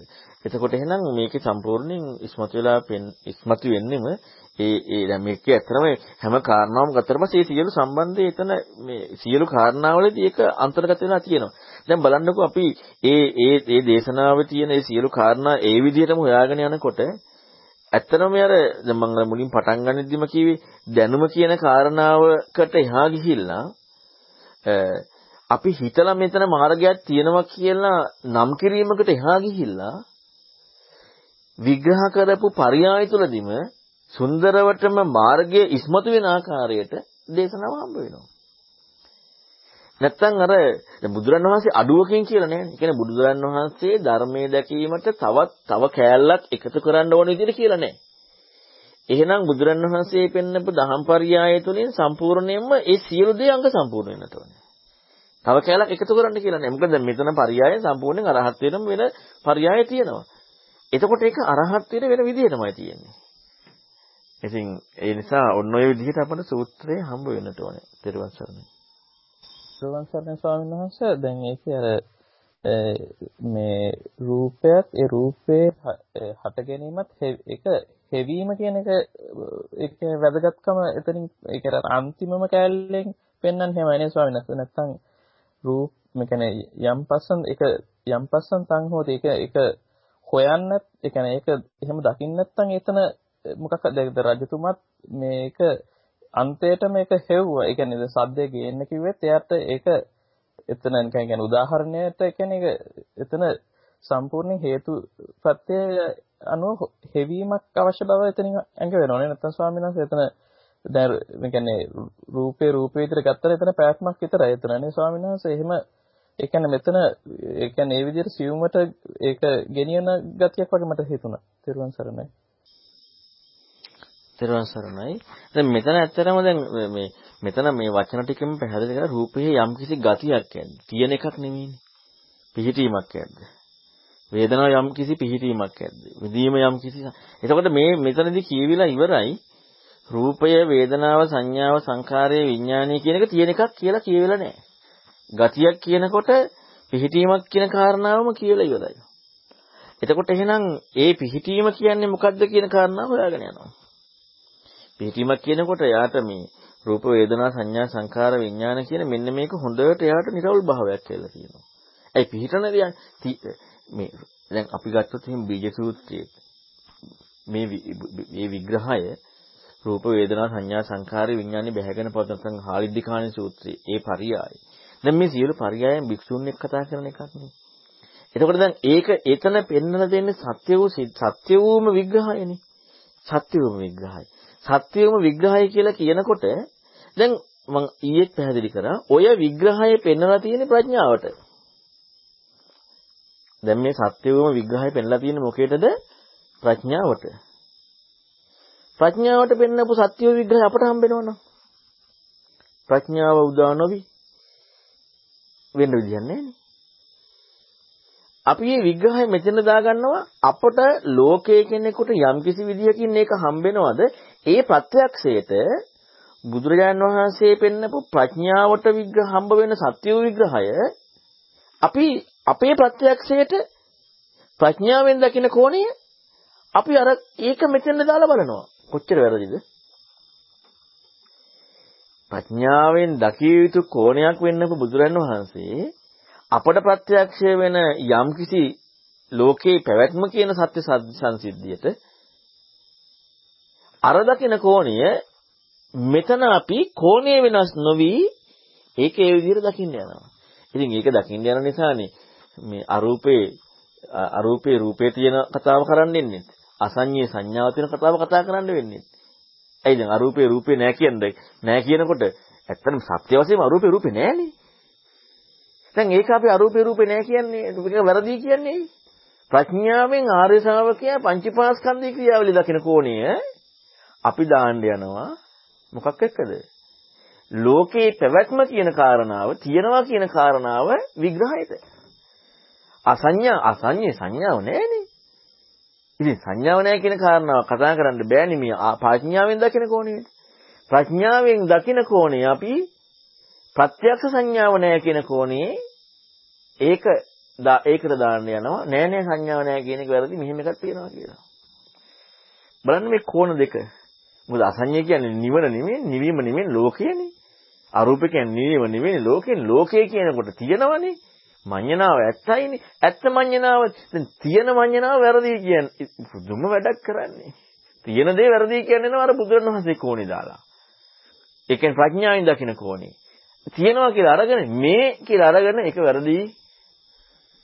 මේ කියන එකම ඉක්ම වෙන එකයි ලෝකෝත්තරය කියන්නේ. ඊතර වෙනවා කියන්නේ. දකින්න කෝණය වෙනස් වෙන එක. එතකොට එහෙනම් මේ පැහැදිලි කරපු මේ විග්‍රහය සම්පූර්ණයෙන් ඒ ගතිය කියලා පෙන්වන මේ පැහැදිලි කිරීම සම්පූර්ණයෙන් පෙන්වන්නේ මොකක් එක්කද? ඒ කෝණියත් එක්කමයි. මෙතන පැහැදිලි කිරීම අපට අපේ කෝණයෙන් ප්‍රත්‍යක්ෂ වෙන කාරණා ඉස්මතු කරන්නේ නැහැ. එහෙනම් ඒ කාරණාව ඒ විදිහටම හම්බ වීම අරහත් ඊළඟට පෙන්වනවා. ත්‍රිවන් සරණයි. ත්‍රිවන් සරණ ස්වාමීන් වහන්සේ. ත්‍රිවන් සරණ මේ එතන ඇත්තට රජතුමා ඒ ගේන්න කිව්වේ පරීක්ෂා කරන්න නෙමෙයි මේ ඇත්තටම රජතුමාගේ ගොංකමක් හින්දානේ ගේන්න කිව්වේ. ඒ කියන්නේ මෝඩකමක් අඥානකමක් හින්දානේ.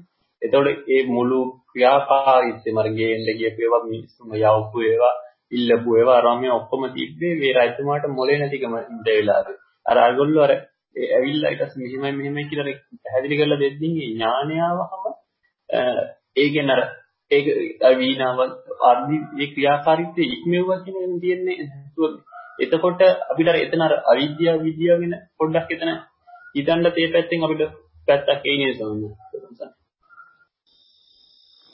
තේරුම් සරණයි.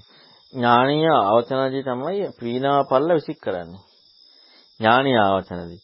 දැන් එතකොට එතනදී මේ සද්දය ඇසීම සද්දය අහනකොට රජතුමාට හම්බ වුණේ ඇත්තටම ඥානෙ නැති නිසා තියනවා කියලා. සද්ද නැති සද්ද ඇහෙනකොටම. එතකොට ඒ විස්තරය ඇහුණට පස්සේ ඒක තේරුම් ගත්තට පස්සේ මොකද වෙන්නේ? ඥානිය උපදිනවා. ඥානිය ඉපදීමත් එක්කම හම්බ වෙනවා මේ සද්දය කියන්නේ බොරුවක්. ඒ කියන්නේ නිරෝධය කියන කාරණාව. ඒ කියන්නේ නෑ කියන කාරණාව නෙමෙයිනේ. බලන්න පිටින් ඇහිම කියන එතන ඉස්මතු වෙන හැටි. ඒ ඥානය යාට උපදිනවා. ඉපදුනා කෙනාට ඥානි ඉපදුනානේ. ඇයි දැන් ඔක්කොම හේතු කාරණා තේරම විග්‍රහය කරාට පස්සේ ඥානි ඉපදුනා. ඉපදුනාට පස්සේ විනා පල්ල අලු කළා විසික් කරා. ආය අර සේවකයෝ කියන්න දෙයක් නැහැ. එයාම විනා පල්ල අලු කළා පාකල හැරියා. එතකොට අන්න අරහත්ත්වය ගැන එතන එතනින් හිට කතා කරනවා. ඒ සම්පූර්ණ ඔක්කොම ඉක්මවීම කියන්නේ. එහෙම නැති වුණොත් එහෙම විනා වාදනය කළ රස විඳින්න පුළුවන්. හැබැයි ඥානෙ ඉපදව රස විඳින්න පුළුවන්. හැබැයි රස විඳින්නේ රස විඳින්න පුළුවන්ද යම් කිසි කෙනෙකුට ඔන්න වීණාව ඔන්න වාදනය කරනවා මෙන්න පුරුෂයෙක් වාදනය කරනවා ඔන්න හටගත්තා. එහෙම කරද්දි රස විඳින්න පුළුවන්ද? බෑනේ. රස විඳින්නේ සද්දය කියන දේ ඇත්තයි කියලා ඒකටම අවධානය යොමු වෙද්දිනේ. ඒ කියන්නේ ලෝකේ පැත්තට ගිහිල්ලානේ අහපව. ලෝකේ විග්‍රහයත් එක්කනේ. අර පැත්තට ගියාම රස විඳින්න පුළුවන්ද? ඒකව රස විඳින්න බෑ. එතකොට රසයක් එන්නේ නැහනේ. එතකොට කලකිරෙනවනේ අර වීණාවට. මොකද්ද මේ සද්දයක් රසයක් එන්නේ නැහැ නේකේ. රසයක් එන්න විදියක් නැහැ. අන්න වීණාව පල්ලා විසික් කරනවා. රසයක් එන්න විදියක් නැහැ. තෙරුවන් සරණයි. තෙරුවන් සරණයි. තෙරුවන් සරණයි ස්වාමීන් වහන්සේ මට හිතෙන දැන් දැන් රජතුමාට දැන් කියන්නේ සද්දේ විඳින එක කිසි අඩුවක් තිබ්බේ නැහනේ. ඒ කියන්නේ ඒවන් මේ ඒවන් රජනීයව කමනීයව ඒවා රජතුමාට දැනගන්න ඕන කමක් නේද ඇති උනේ. කියන්නේ එතන ඒ කියන්නේ ඒ කියන්නේ ඒ වගේ ඒ කියන්නේ මෙතන මොකක් මෙතන වෙන්නේ මොකද්ද කියන එක දැනගැනීම වගේ උනන්දුවක් ඒ කියන්නේ ඒ අවශ්‍යතාවත් එක්ක නේද දැන් අර ඉතුරු ඒ කියන්නේ මේ මේ සද්දයට කියන්නේ මොකද්ද කියලා අහලා එතනින් එහාට නේද ඒ මේ ඒ දැනගැනීම දැන් කියන්නේ එතකොට සේවකයෝ අර ඒ කියන්නේ ඒ ඒ ඒ පරිශ්‍රණය කරපු නිසා තමයි ඒක දැනගන්න හම්බුනේ. නැත්තම් එහෙම උනේ නැත්තම් එතන එහෙම දැකීමක් හටගන්නේ නැහනේ. ඒ කියන්නේ මේ එහෙම හේවීමක් නොවුනා නම් කියලා දැන් දැන් රජකුමාරට සද්දේ හම්බෙන එක අඩුවක් තිබ්බේ නැහනේ. ඒ කියන්නේ එහෙම් පිටි මේක හම්බුණා. ඒ වුණාට ඒක හෙව්වා. එම නිසා මේ මේකේ හරයක් නැති බව මේක ගන්න දෙයක් නැහැ කියන එක සාරයක් නැති බව හම්බුණා. මට එහෙම හිතුණා. තෙරුවන් සරණයි. තෙරුවන් සරණයි. හෙව්වා නෙමෙයි ගේන්න කිව්වා. ඒ කියන්නේ සද්දේ කියන කරනවා ගේන්න කිව්වා. ගේන්න කීවට පස්සේ ගෙනාවට පස්සේ මේ මොකද්ද කියලා ඇහුවා. එතකොට එහෙනම් එතකම්ම යාගේ මුලාව තියෙනවා. මේ මොකද්ද කියලා ඇහුවා ගේන්න කිව්වට පස්සේ. ඕකක් නෙමෙයිව නැති කියලා කිව්වා. එතකොට එහෙනම් ඒ ඒ ඒ කරුණෙන් කියවෙනවා එයා ඒක දන්නේ නැහැ. ඊළඟට අර කෙනාගෙන් ඇහෙද්දි තමයි මේ කාරණා මෙහිමයි මෙහිම කියලා විස්තර වශයෙන් ඇහෙනවා. අන්න එතකොට යාට හම්බ වුණේ මොකද්ද කියන කාරණාව. හැබැයි මුලින් ගේන්නකව සද්දය මේක මොකද්ද කියන්නේ සද්දේ ගෙනාවට පස්සේ මේ සද්දේ මේකක් නෙමෙයි මං ගේන්න කිව්වා. එතකොට මේකක් නෙමෙයි ගේන්න කිව්වා කියනකොටම එයා මුලාවකනේ හිටියේ. ඊට පස්සේ යා අර මොකද්ද එතකොට සද්දේ කියන්නේ කියන කාරණාව පිටින් අහනවා අර කෙනාගෙන්. සේවකයා. එයාලා තමයි විස්තර කරලා පෙන්නන්නේ. කියන්නේ සද්දේ කියන්නේ මොකද්ද කියන කාරණාව. ඒක විස්තර කරලා දෙද්දි තමයි රජතුමාට ඒක මේ මේ ඒ කාරණාව ඒ විදිහටම හම්බෙන්නේ. ඉතින් ඒ නිසා අර මුලාව කියන කාරණාව එතන ඉස්මතු වෙනවා. මොකද හේතුව ගේන්න කියන සද්දය ඒ ගේනකොට මේකට මේ මේ මේ මොකද්ද මේ ගෙනාවේ කියලා තුස්නිම්බුත වුණා වගේ වුණා. ඊට පස්සේ ඒ කාරණා විස්තර කළ දෙන තැනදි තමයි එයාට ඒ කාරණාව හම්බ වෙන්නේ. තෙරුවන් සරණයි. එහෙමයි තෙරුවන් සරණයි. තෙරුවන් සරණයි ස්වාමීන් වහන්සේ දැන් මේ රජතුමා හිතාගෙන හිටියේ ශබ්දය කියන්නේ එහෙම ගේන්න පුළුවන් දෙයක් කියලා නේද? එතකොට රජතුමා එහෙම අදහසකින් තමයි ඒක ගේන්න කිව්වේ. ඒ ගෙන අර සේවකයා වීණාව ගෙනල්ලා වීණාව ගැන විස්තර කියපතා රජතුමාට තේරුනේ මේක භව්‍ය දෙයක් නෙවෙයි. මේක ගේන්න පුළුවන් දෙයක් නෙවෙයි කියලා. රජතුමා එතකොට ශබ්දය ගැන කලකිරුණා. එපා වුණා රජුට. ඒ වගේ එකක් එපා වුණා. ඒ ඒ ශබ්දය ගැන විතර නෙමෙයි රජතුමාට කලකිරුණේ ඊට පස්සේ ඒක ඒ හඬ දෙන වීණාව ගැන කලකිරුණා. දැන් ඒකේ තවදුරටත් කියනවනේ ඒ වගේ වීණාවල් තවත් කියනවනේ ඒවත් එපා කියලා ඒවත් කුඩු කරලා දාන්න කියලා. ඒ කියන්නේ අර ආයතන හයේ Nirodhe සලආයතන Nirodhe නැත්තත් එතන ඉස්මතු වෙනව නේද ස්වාමීන් වහන්සේ? තෙරුවන් සරණයි. තෙරුවන් සරණයි. ඇත්තටම මේ සද්දේ ගේන්න පුළුවන් දෙයක් අට රජතුමාට හම්බ වෙලා. ඒ කියන්නේ ගේන්න කියන්නේ සද්දේ සද්දේමනේ ගේන්න කියන්නේ. ඒක ඒ කියන්නේ එච්චර මුලාවක් තියෙනවා. ඒක නිත්‍ය සංඥාවනේ. නිත්‍ය සංඥාව කියන කාරණාව හම්බ වෙලා. එතකොට ඒකත් එක්ක ප්‍රයත්මක් තියෙනවා. ඊළඟට සද්දය කියන කාරණාව හොයන් යද්දි වීණාවෙන් එන්නේ. එතකොටම ඒ හොයාගෙන යනකොටම ඇත්තටම Nirodha කියන කාරණාව හම්බෙනවා කියන්නේ එපා වෙන්නේ හේතුවනේ. සද්දයක් කලකිරෙනවා හේතුවක් කලකිරෙනවා. එතකොට හේතුවල කලකිරෙන තැනදී හේතුව තමයි දුරු කරන්නේ. සද්දේ නෙමෙයි දුරු කරන්නේ මේ මේ ඵලය නෙමෙයි හේතුව. හේතුව ඉක්මවීම මන් අවිද්‍යාව අශේෂ විරාග නිරෝධය නිවීම.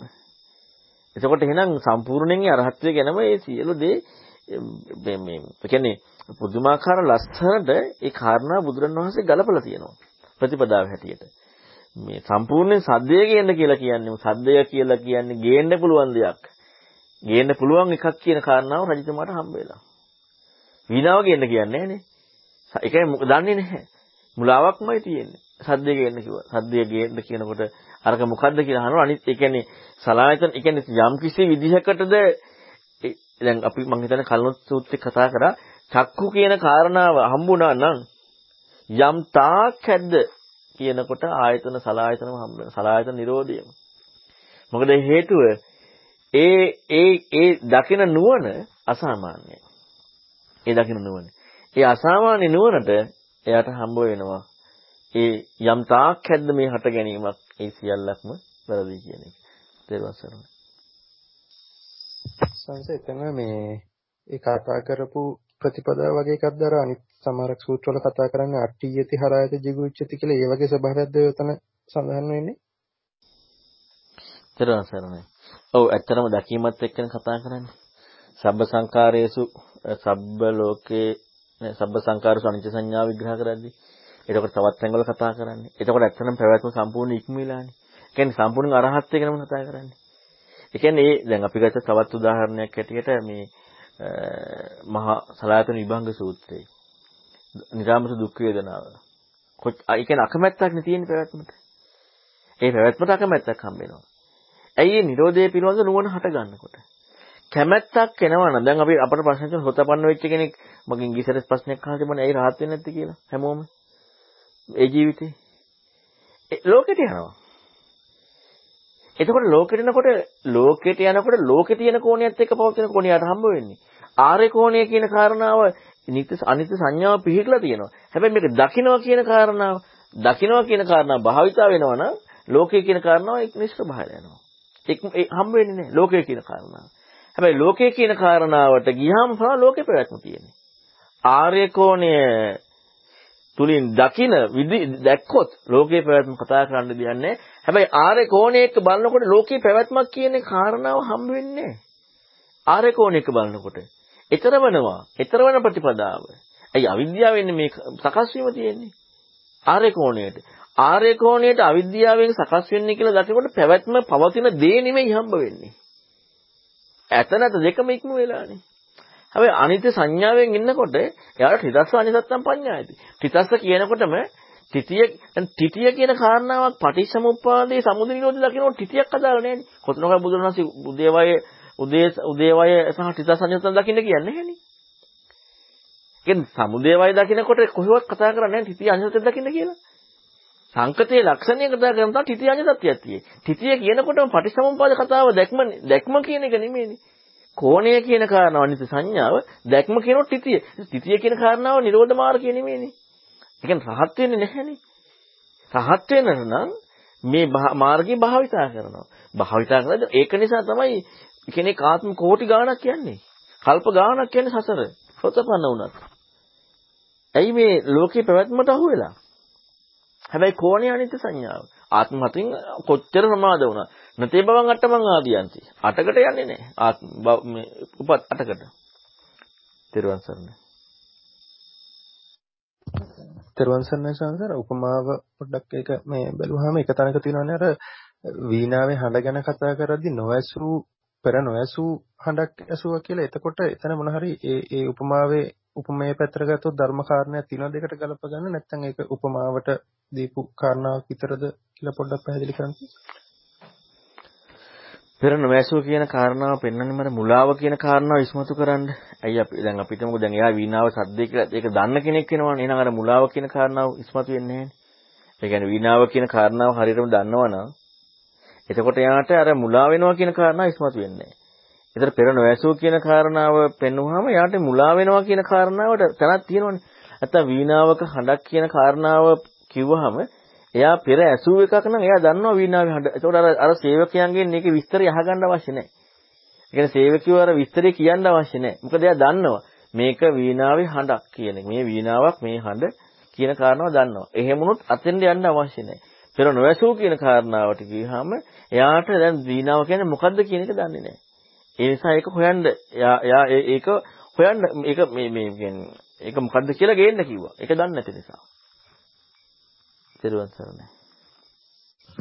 ඒ කියන්නේ සංස දැන් ඒක අපේ පැත්තට ගලපගත්තොත් එහෙම දැන් සූත්‍රයේ මුල හරිය තියෙන අර මේ ආයතන හයෙන් දැනගatiya යුතු දේවල් ගත්තාම ඒක හටගන්න විදිය නොදැකීම හැම පාරම එහෙම එකක් හටගත්තත් ඒ අපි ඒක දැකලා නැති නිසා ওই විදියට අර පෙරණැසු විදියට තමයි මේ අපිට ඒක ගලපගන්නේ නේ සංස. ඔව් අනිවාර්යයෙන්ම. ඒ කියන්නේ අනිවාර්යයෙන්ම අපට යම් කිසි දෙයක් ඇත්තරම තව එකක්. ඉතින් තව එකක් අපිට පෙර නොඇසූ විදියට කිව්වහම පෙර ඇසූ විදියට ගත්තට පස්සේ හම්බ වෙන දේ තමයි ඇත්තක්. පෙර ඇසූ විදියට ගත්ත ඇත්තනේ හම්බෙන්නේ. එද වීණාවක හඬක් කියනකොට වීණාවේ හඬ කියන කාරණාව හරියටම දන්නවා යා. ඒතර පෙර ඇසූ විදියට. එහෙනම් ඇත්ත තමයි ඒ හම්බ වෙන්නේ. මේක වීණාවක හඬක් නෙමෙයි. වීණාවක හඬක් නේ කියනකොට ඒ ගැන වීණාව ගැන සහ හඬ ඇති වෙන ආකාරයේ වීණාව කඩක් කියන එක දන්නවා. එතකොට ඒ ඇත්ත නොදකපු නිසා වීණාව කඩක් කියන කාරණා ඇත්ත නොදකපු නිසාම මොකද වෙන්නේ? මුලාවටපත් වෙනවා. එතකොට හඬ කියන කාරණාවට භව්‍යත්වයක් එනවා. අන්න ඇත්ත නොදකීම. එතකොට දැන් මේකෙදි තව තව එකක් යනවනේ දැන් ඒකනේ දැන් මේ මේක අර දැන් යම් කිසි කෙනෙක් අවිද්‍යාවෙන් වැහිලා පැවැත්මක් කියන කාරණාව මිසක් ඇත්ත දැකලා අවිද්‍යාව හට ගන්නවා කියන එකක් නෙවෙයි. අවිද්‍යාවෙන් වැහිලා පවතින පැවැත්මක්. එතකොට එහෙනම් කිසිම විදිහකින් ඒ කාරණාව පිළිබඳව සත්‍ය පිළිබඳව Tamanට හම්බ වෙලා නැහැ. නැති නිසාමයි මුලාවටපත් වෙන්නේ. සත්‍ය පිළිබඳව කිසිම ආකාරයෙන් හම්බෙලා නැති නිසා මුලාවටපත් වෙලා. මුලාවටපත් වෙච්ච නිසාම ඒ මුලාව එක හම්බෙච්ච කාරණාව එක එක ආකාරයට බෙදලා කොටස් කරලා වෙන් කරලා බැලුවා. මේ හම්බෙච්ච දේ එක වීණාවක හඬක් කියලා දැක්කේ නෑ වගේ. මෙහිම හටගත්ත දෙයක් කියන කාරණාව යාට හම්බෙලා නෑ. ඒ ඒ නිසා ගොරෝසු හෝ සියුම් මොනව හෝ ක්‍රමයකට අහු වෙනවා. තෙරුවන් සරණයි. තෙරුවන් සරණ ස්වාමීන් වහන්සේ අර අර මුලදී කතා කරද්දී කියවනා මේ මේ පංචකාමයන්ට පිළිසරණ මනසත් ඒකම ඊළඟට දැන් අපි හිතුව මනසට පිළිසරණ සතිය කියලා. දැන් මේ එකක්වත් මම හිතන්නේ පුත්තජනයට දකින්න පුළුවන් තේරෙන දෙයක් වෙන්න විදියක් නැහැනේ. එතකොට අර මනසට පිළිසරණ සතිය කියන එකද උපකාර වෙන්නේ ආර ශ්‍රාවකයාට ඒ කියන්නේ එයාට මේ කියන්නේ අර මට අර මේ පොඩ්ඩක් එතන ඒක එතන වෙනස් භාවයක් තියෙන්න ඕනේ කියලා පොඩ්ඩක් ඒ ගැන ඔබ වහන්සේට කියලා දෙන්න පුළුවන් නම් තේරුම් සරණයි. තේරුම් සරණයි. මනස අසකරණාසී දිවකය පිළිසරණ කරගෙන කියන කාරණා ලෝකයේ පැවැත්ම ලෝකයේ කෙනෙකුට කතා කරන්න පුළුවන්. මොකද හේතුව ඒ නිසානේ රූපයේ ඉක්මවල අරූපයට යන්නේ.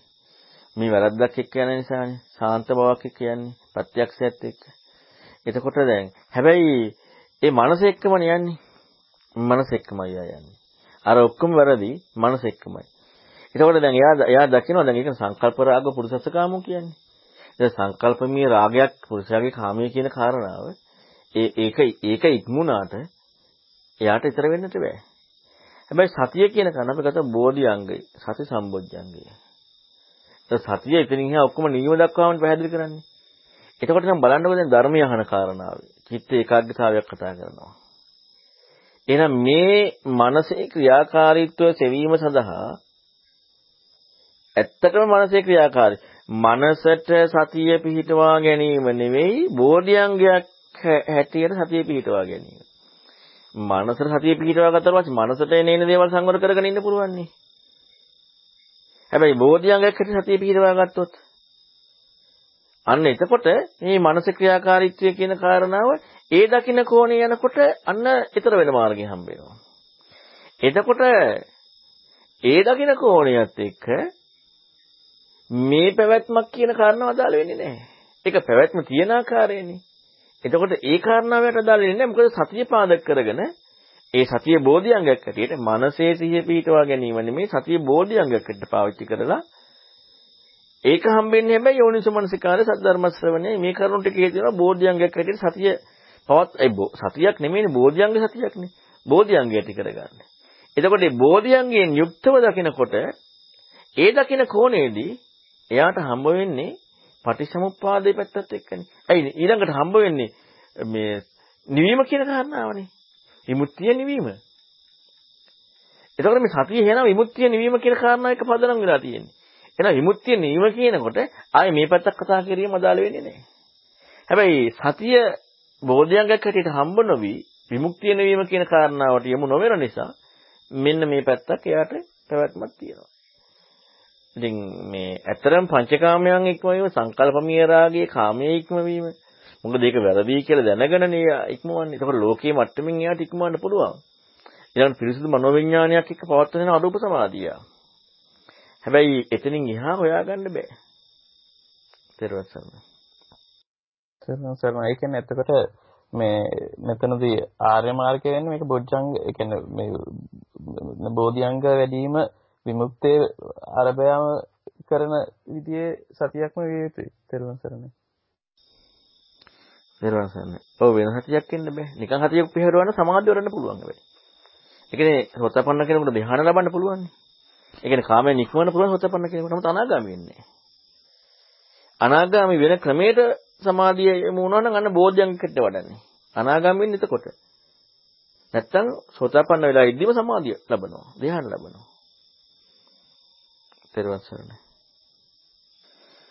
එහෙනම් මේ අවසන් කරමු ආශිසෝපම සූත්‍රය කරාත් හොඳයි කියලා හිතුණා. ආශිසෝපම සූත්‍රේ. ඉතින් ඒ නිසා ඒක අපි ඊළඟට බලමු. ඒක හරි ලස්සනයි. අපි ඒකත් ඒ පැත්තෙන් බලන්න ඕනේ. ආශිසෝපම සූත්‍ර විග්‍රහය. ඉතින් අද දවසේ අපි බුදුරන් වහන්සේගේ ධර්මයේ මම අර මුලින්ම තිස්මතු කරලා පෙන්වුවේ බුදුරන් වහන්සේ සැබෑවටම පෙන්වන්නේ සම්පූර්ණයෙන්ම විමුක්ති කියන්නේ ලෝකෝත්තර මාර්ගයේදී. කියන්නේ අපි ඒ ඒ ධර්මය ඉගෙන ගන්නදී මම පැහැදිලි කරන්නේ.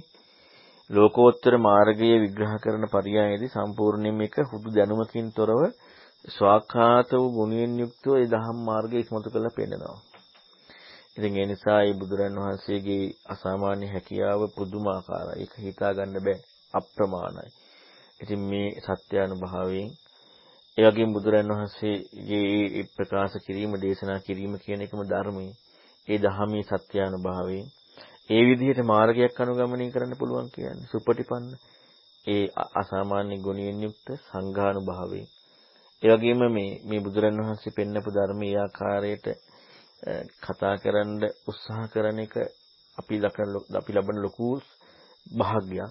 ඉතින් අපිත් අවංකවම තමයි මේ බුද්ධ වචනේ තුල තියෙන එක මොකද්ද කියලා හෙවීම කියන එක විතරයි මේ මමත් අදහස් කරන්නේ වෙන එකක් නෙමෙයි. ඉතින් ඒ සත්‍යයක් ඒ සත්‍යානුභාවයෙන් ඊළඟට අපි කරන මෛත්‍රී ආනුභාවයෙන් ඔබ ධර්ම ශ්‍රවණය කරලා සතුටු වෙලා මෛත්‍රී කරලා රැස් කරගත්තේ සියලු පුණ්‍යානුභාවයෙන් මේ සත්‍යානුභාවයෙන් මේ ලෝකයට මේ ශ්‍රී ලංකා දීපයට උදා වී තිබෙන මේ රෝග බිය වසංගත බිය සම්පූර්ණයෙන් දුරු වී සියලු දෙනාට සතුටින් සිටීමට හැකියාව ලැබේවා. ත්වන් සරණයි.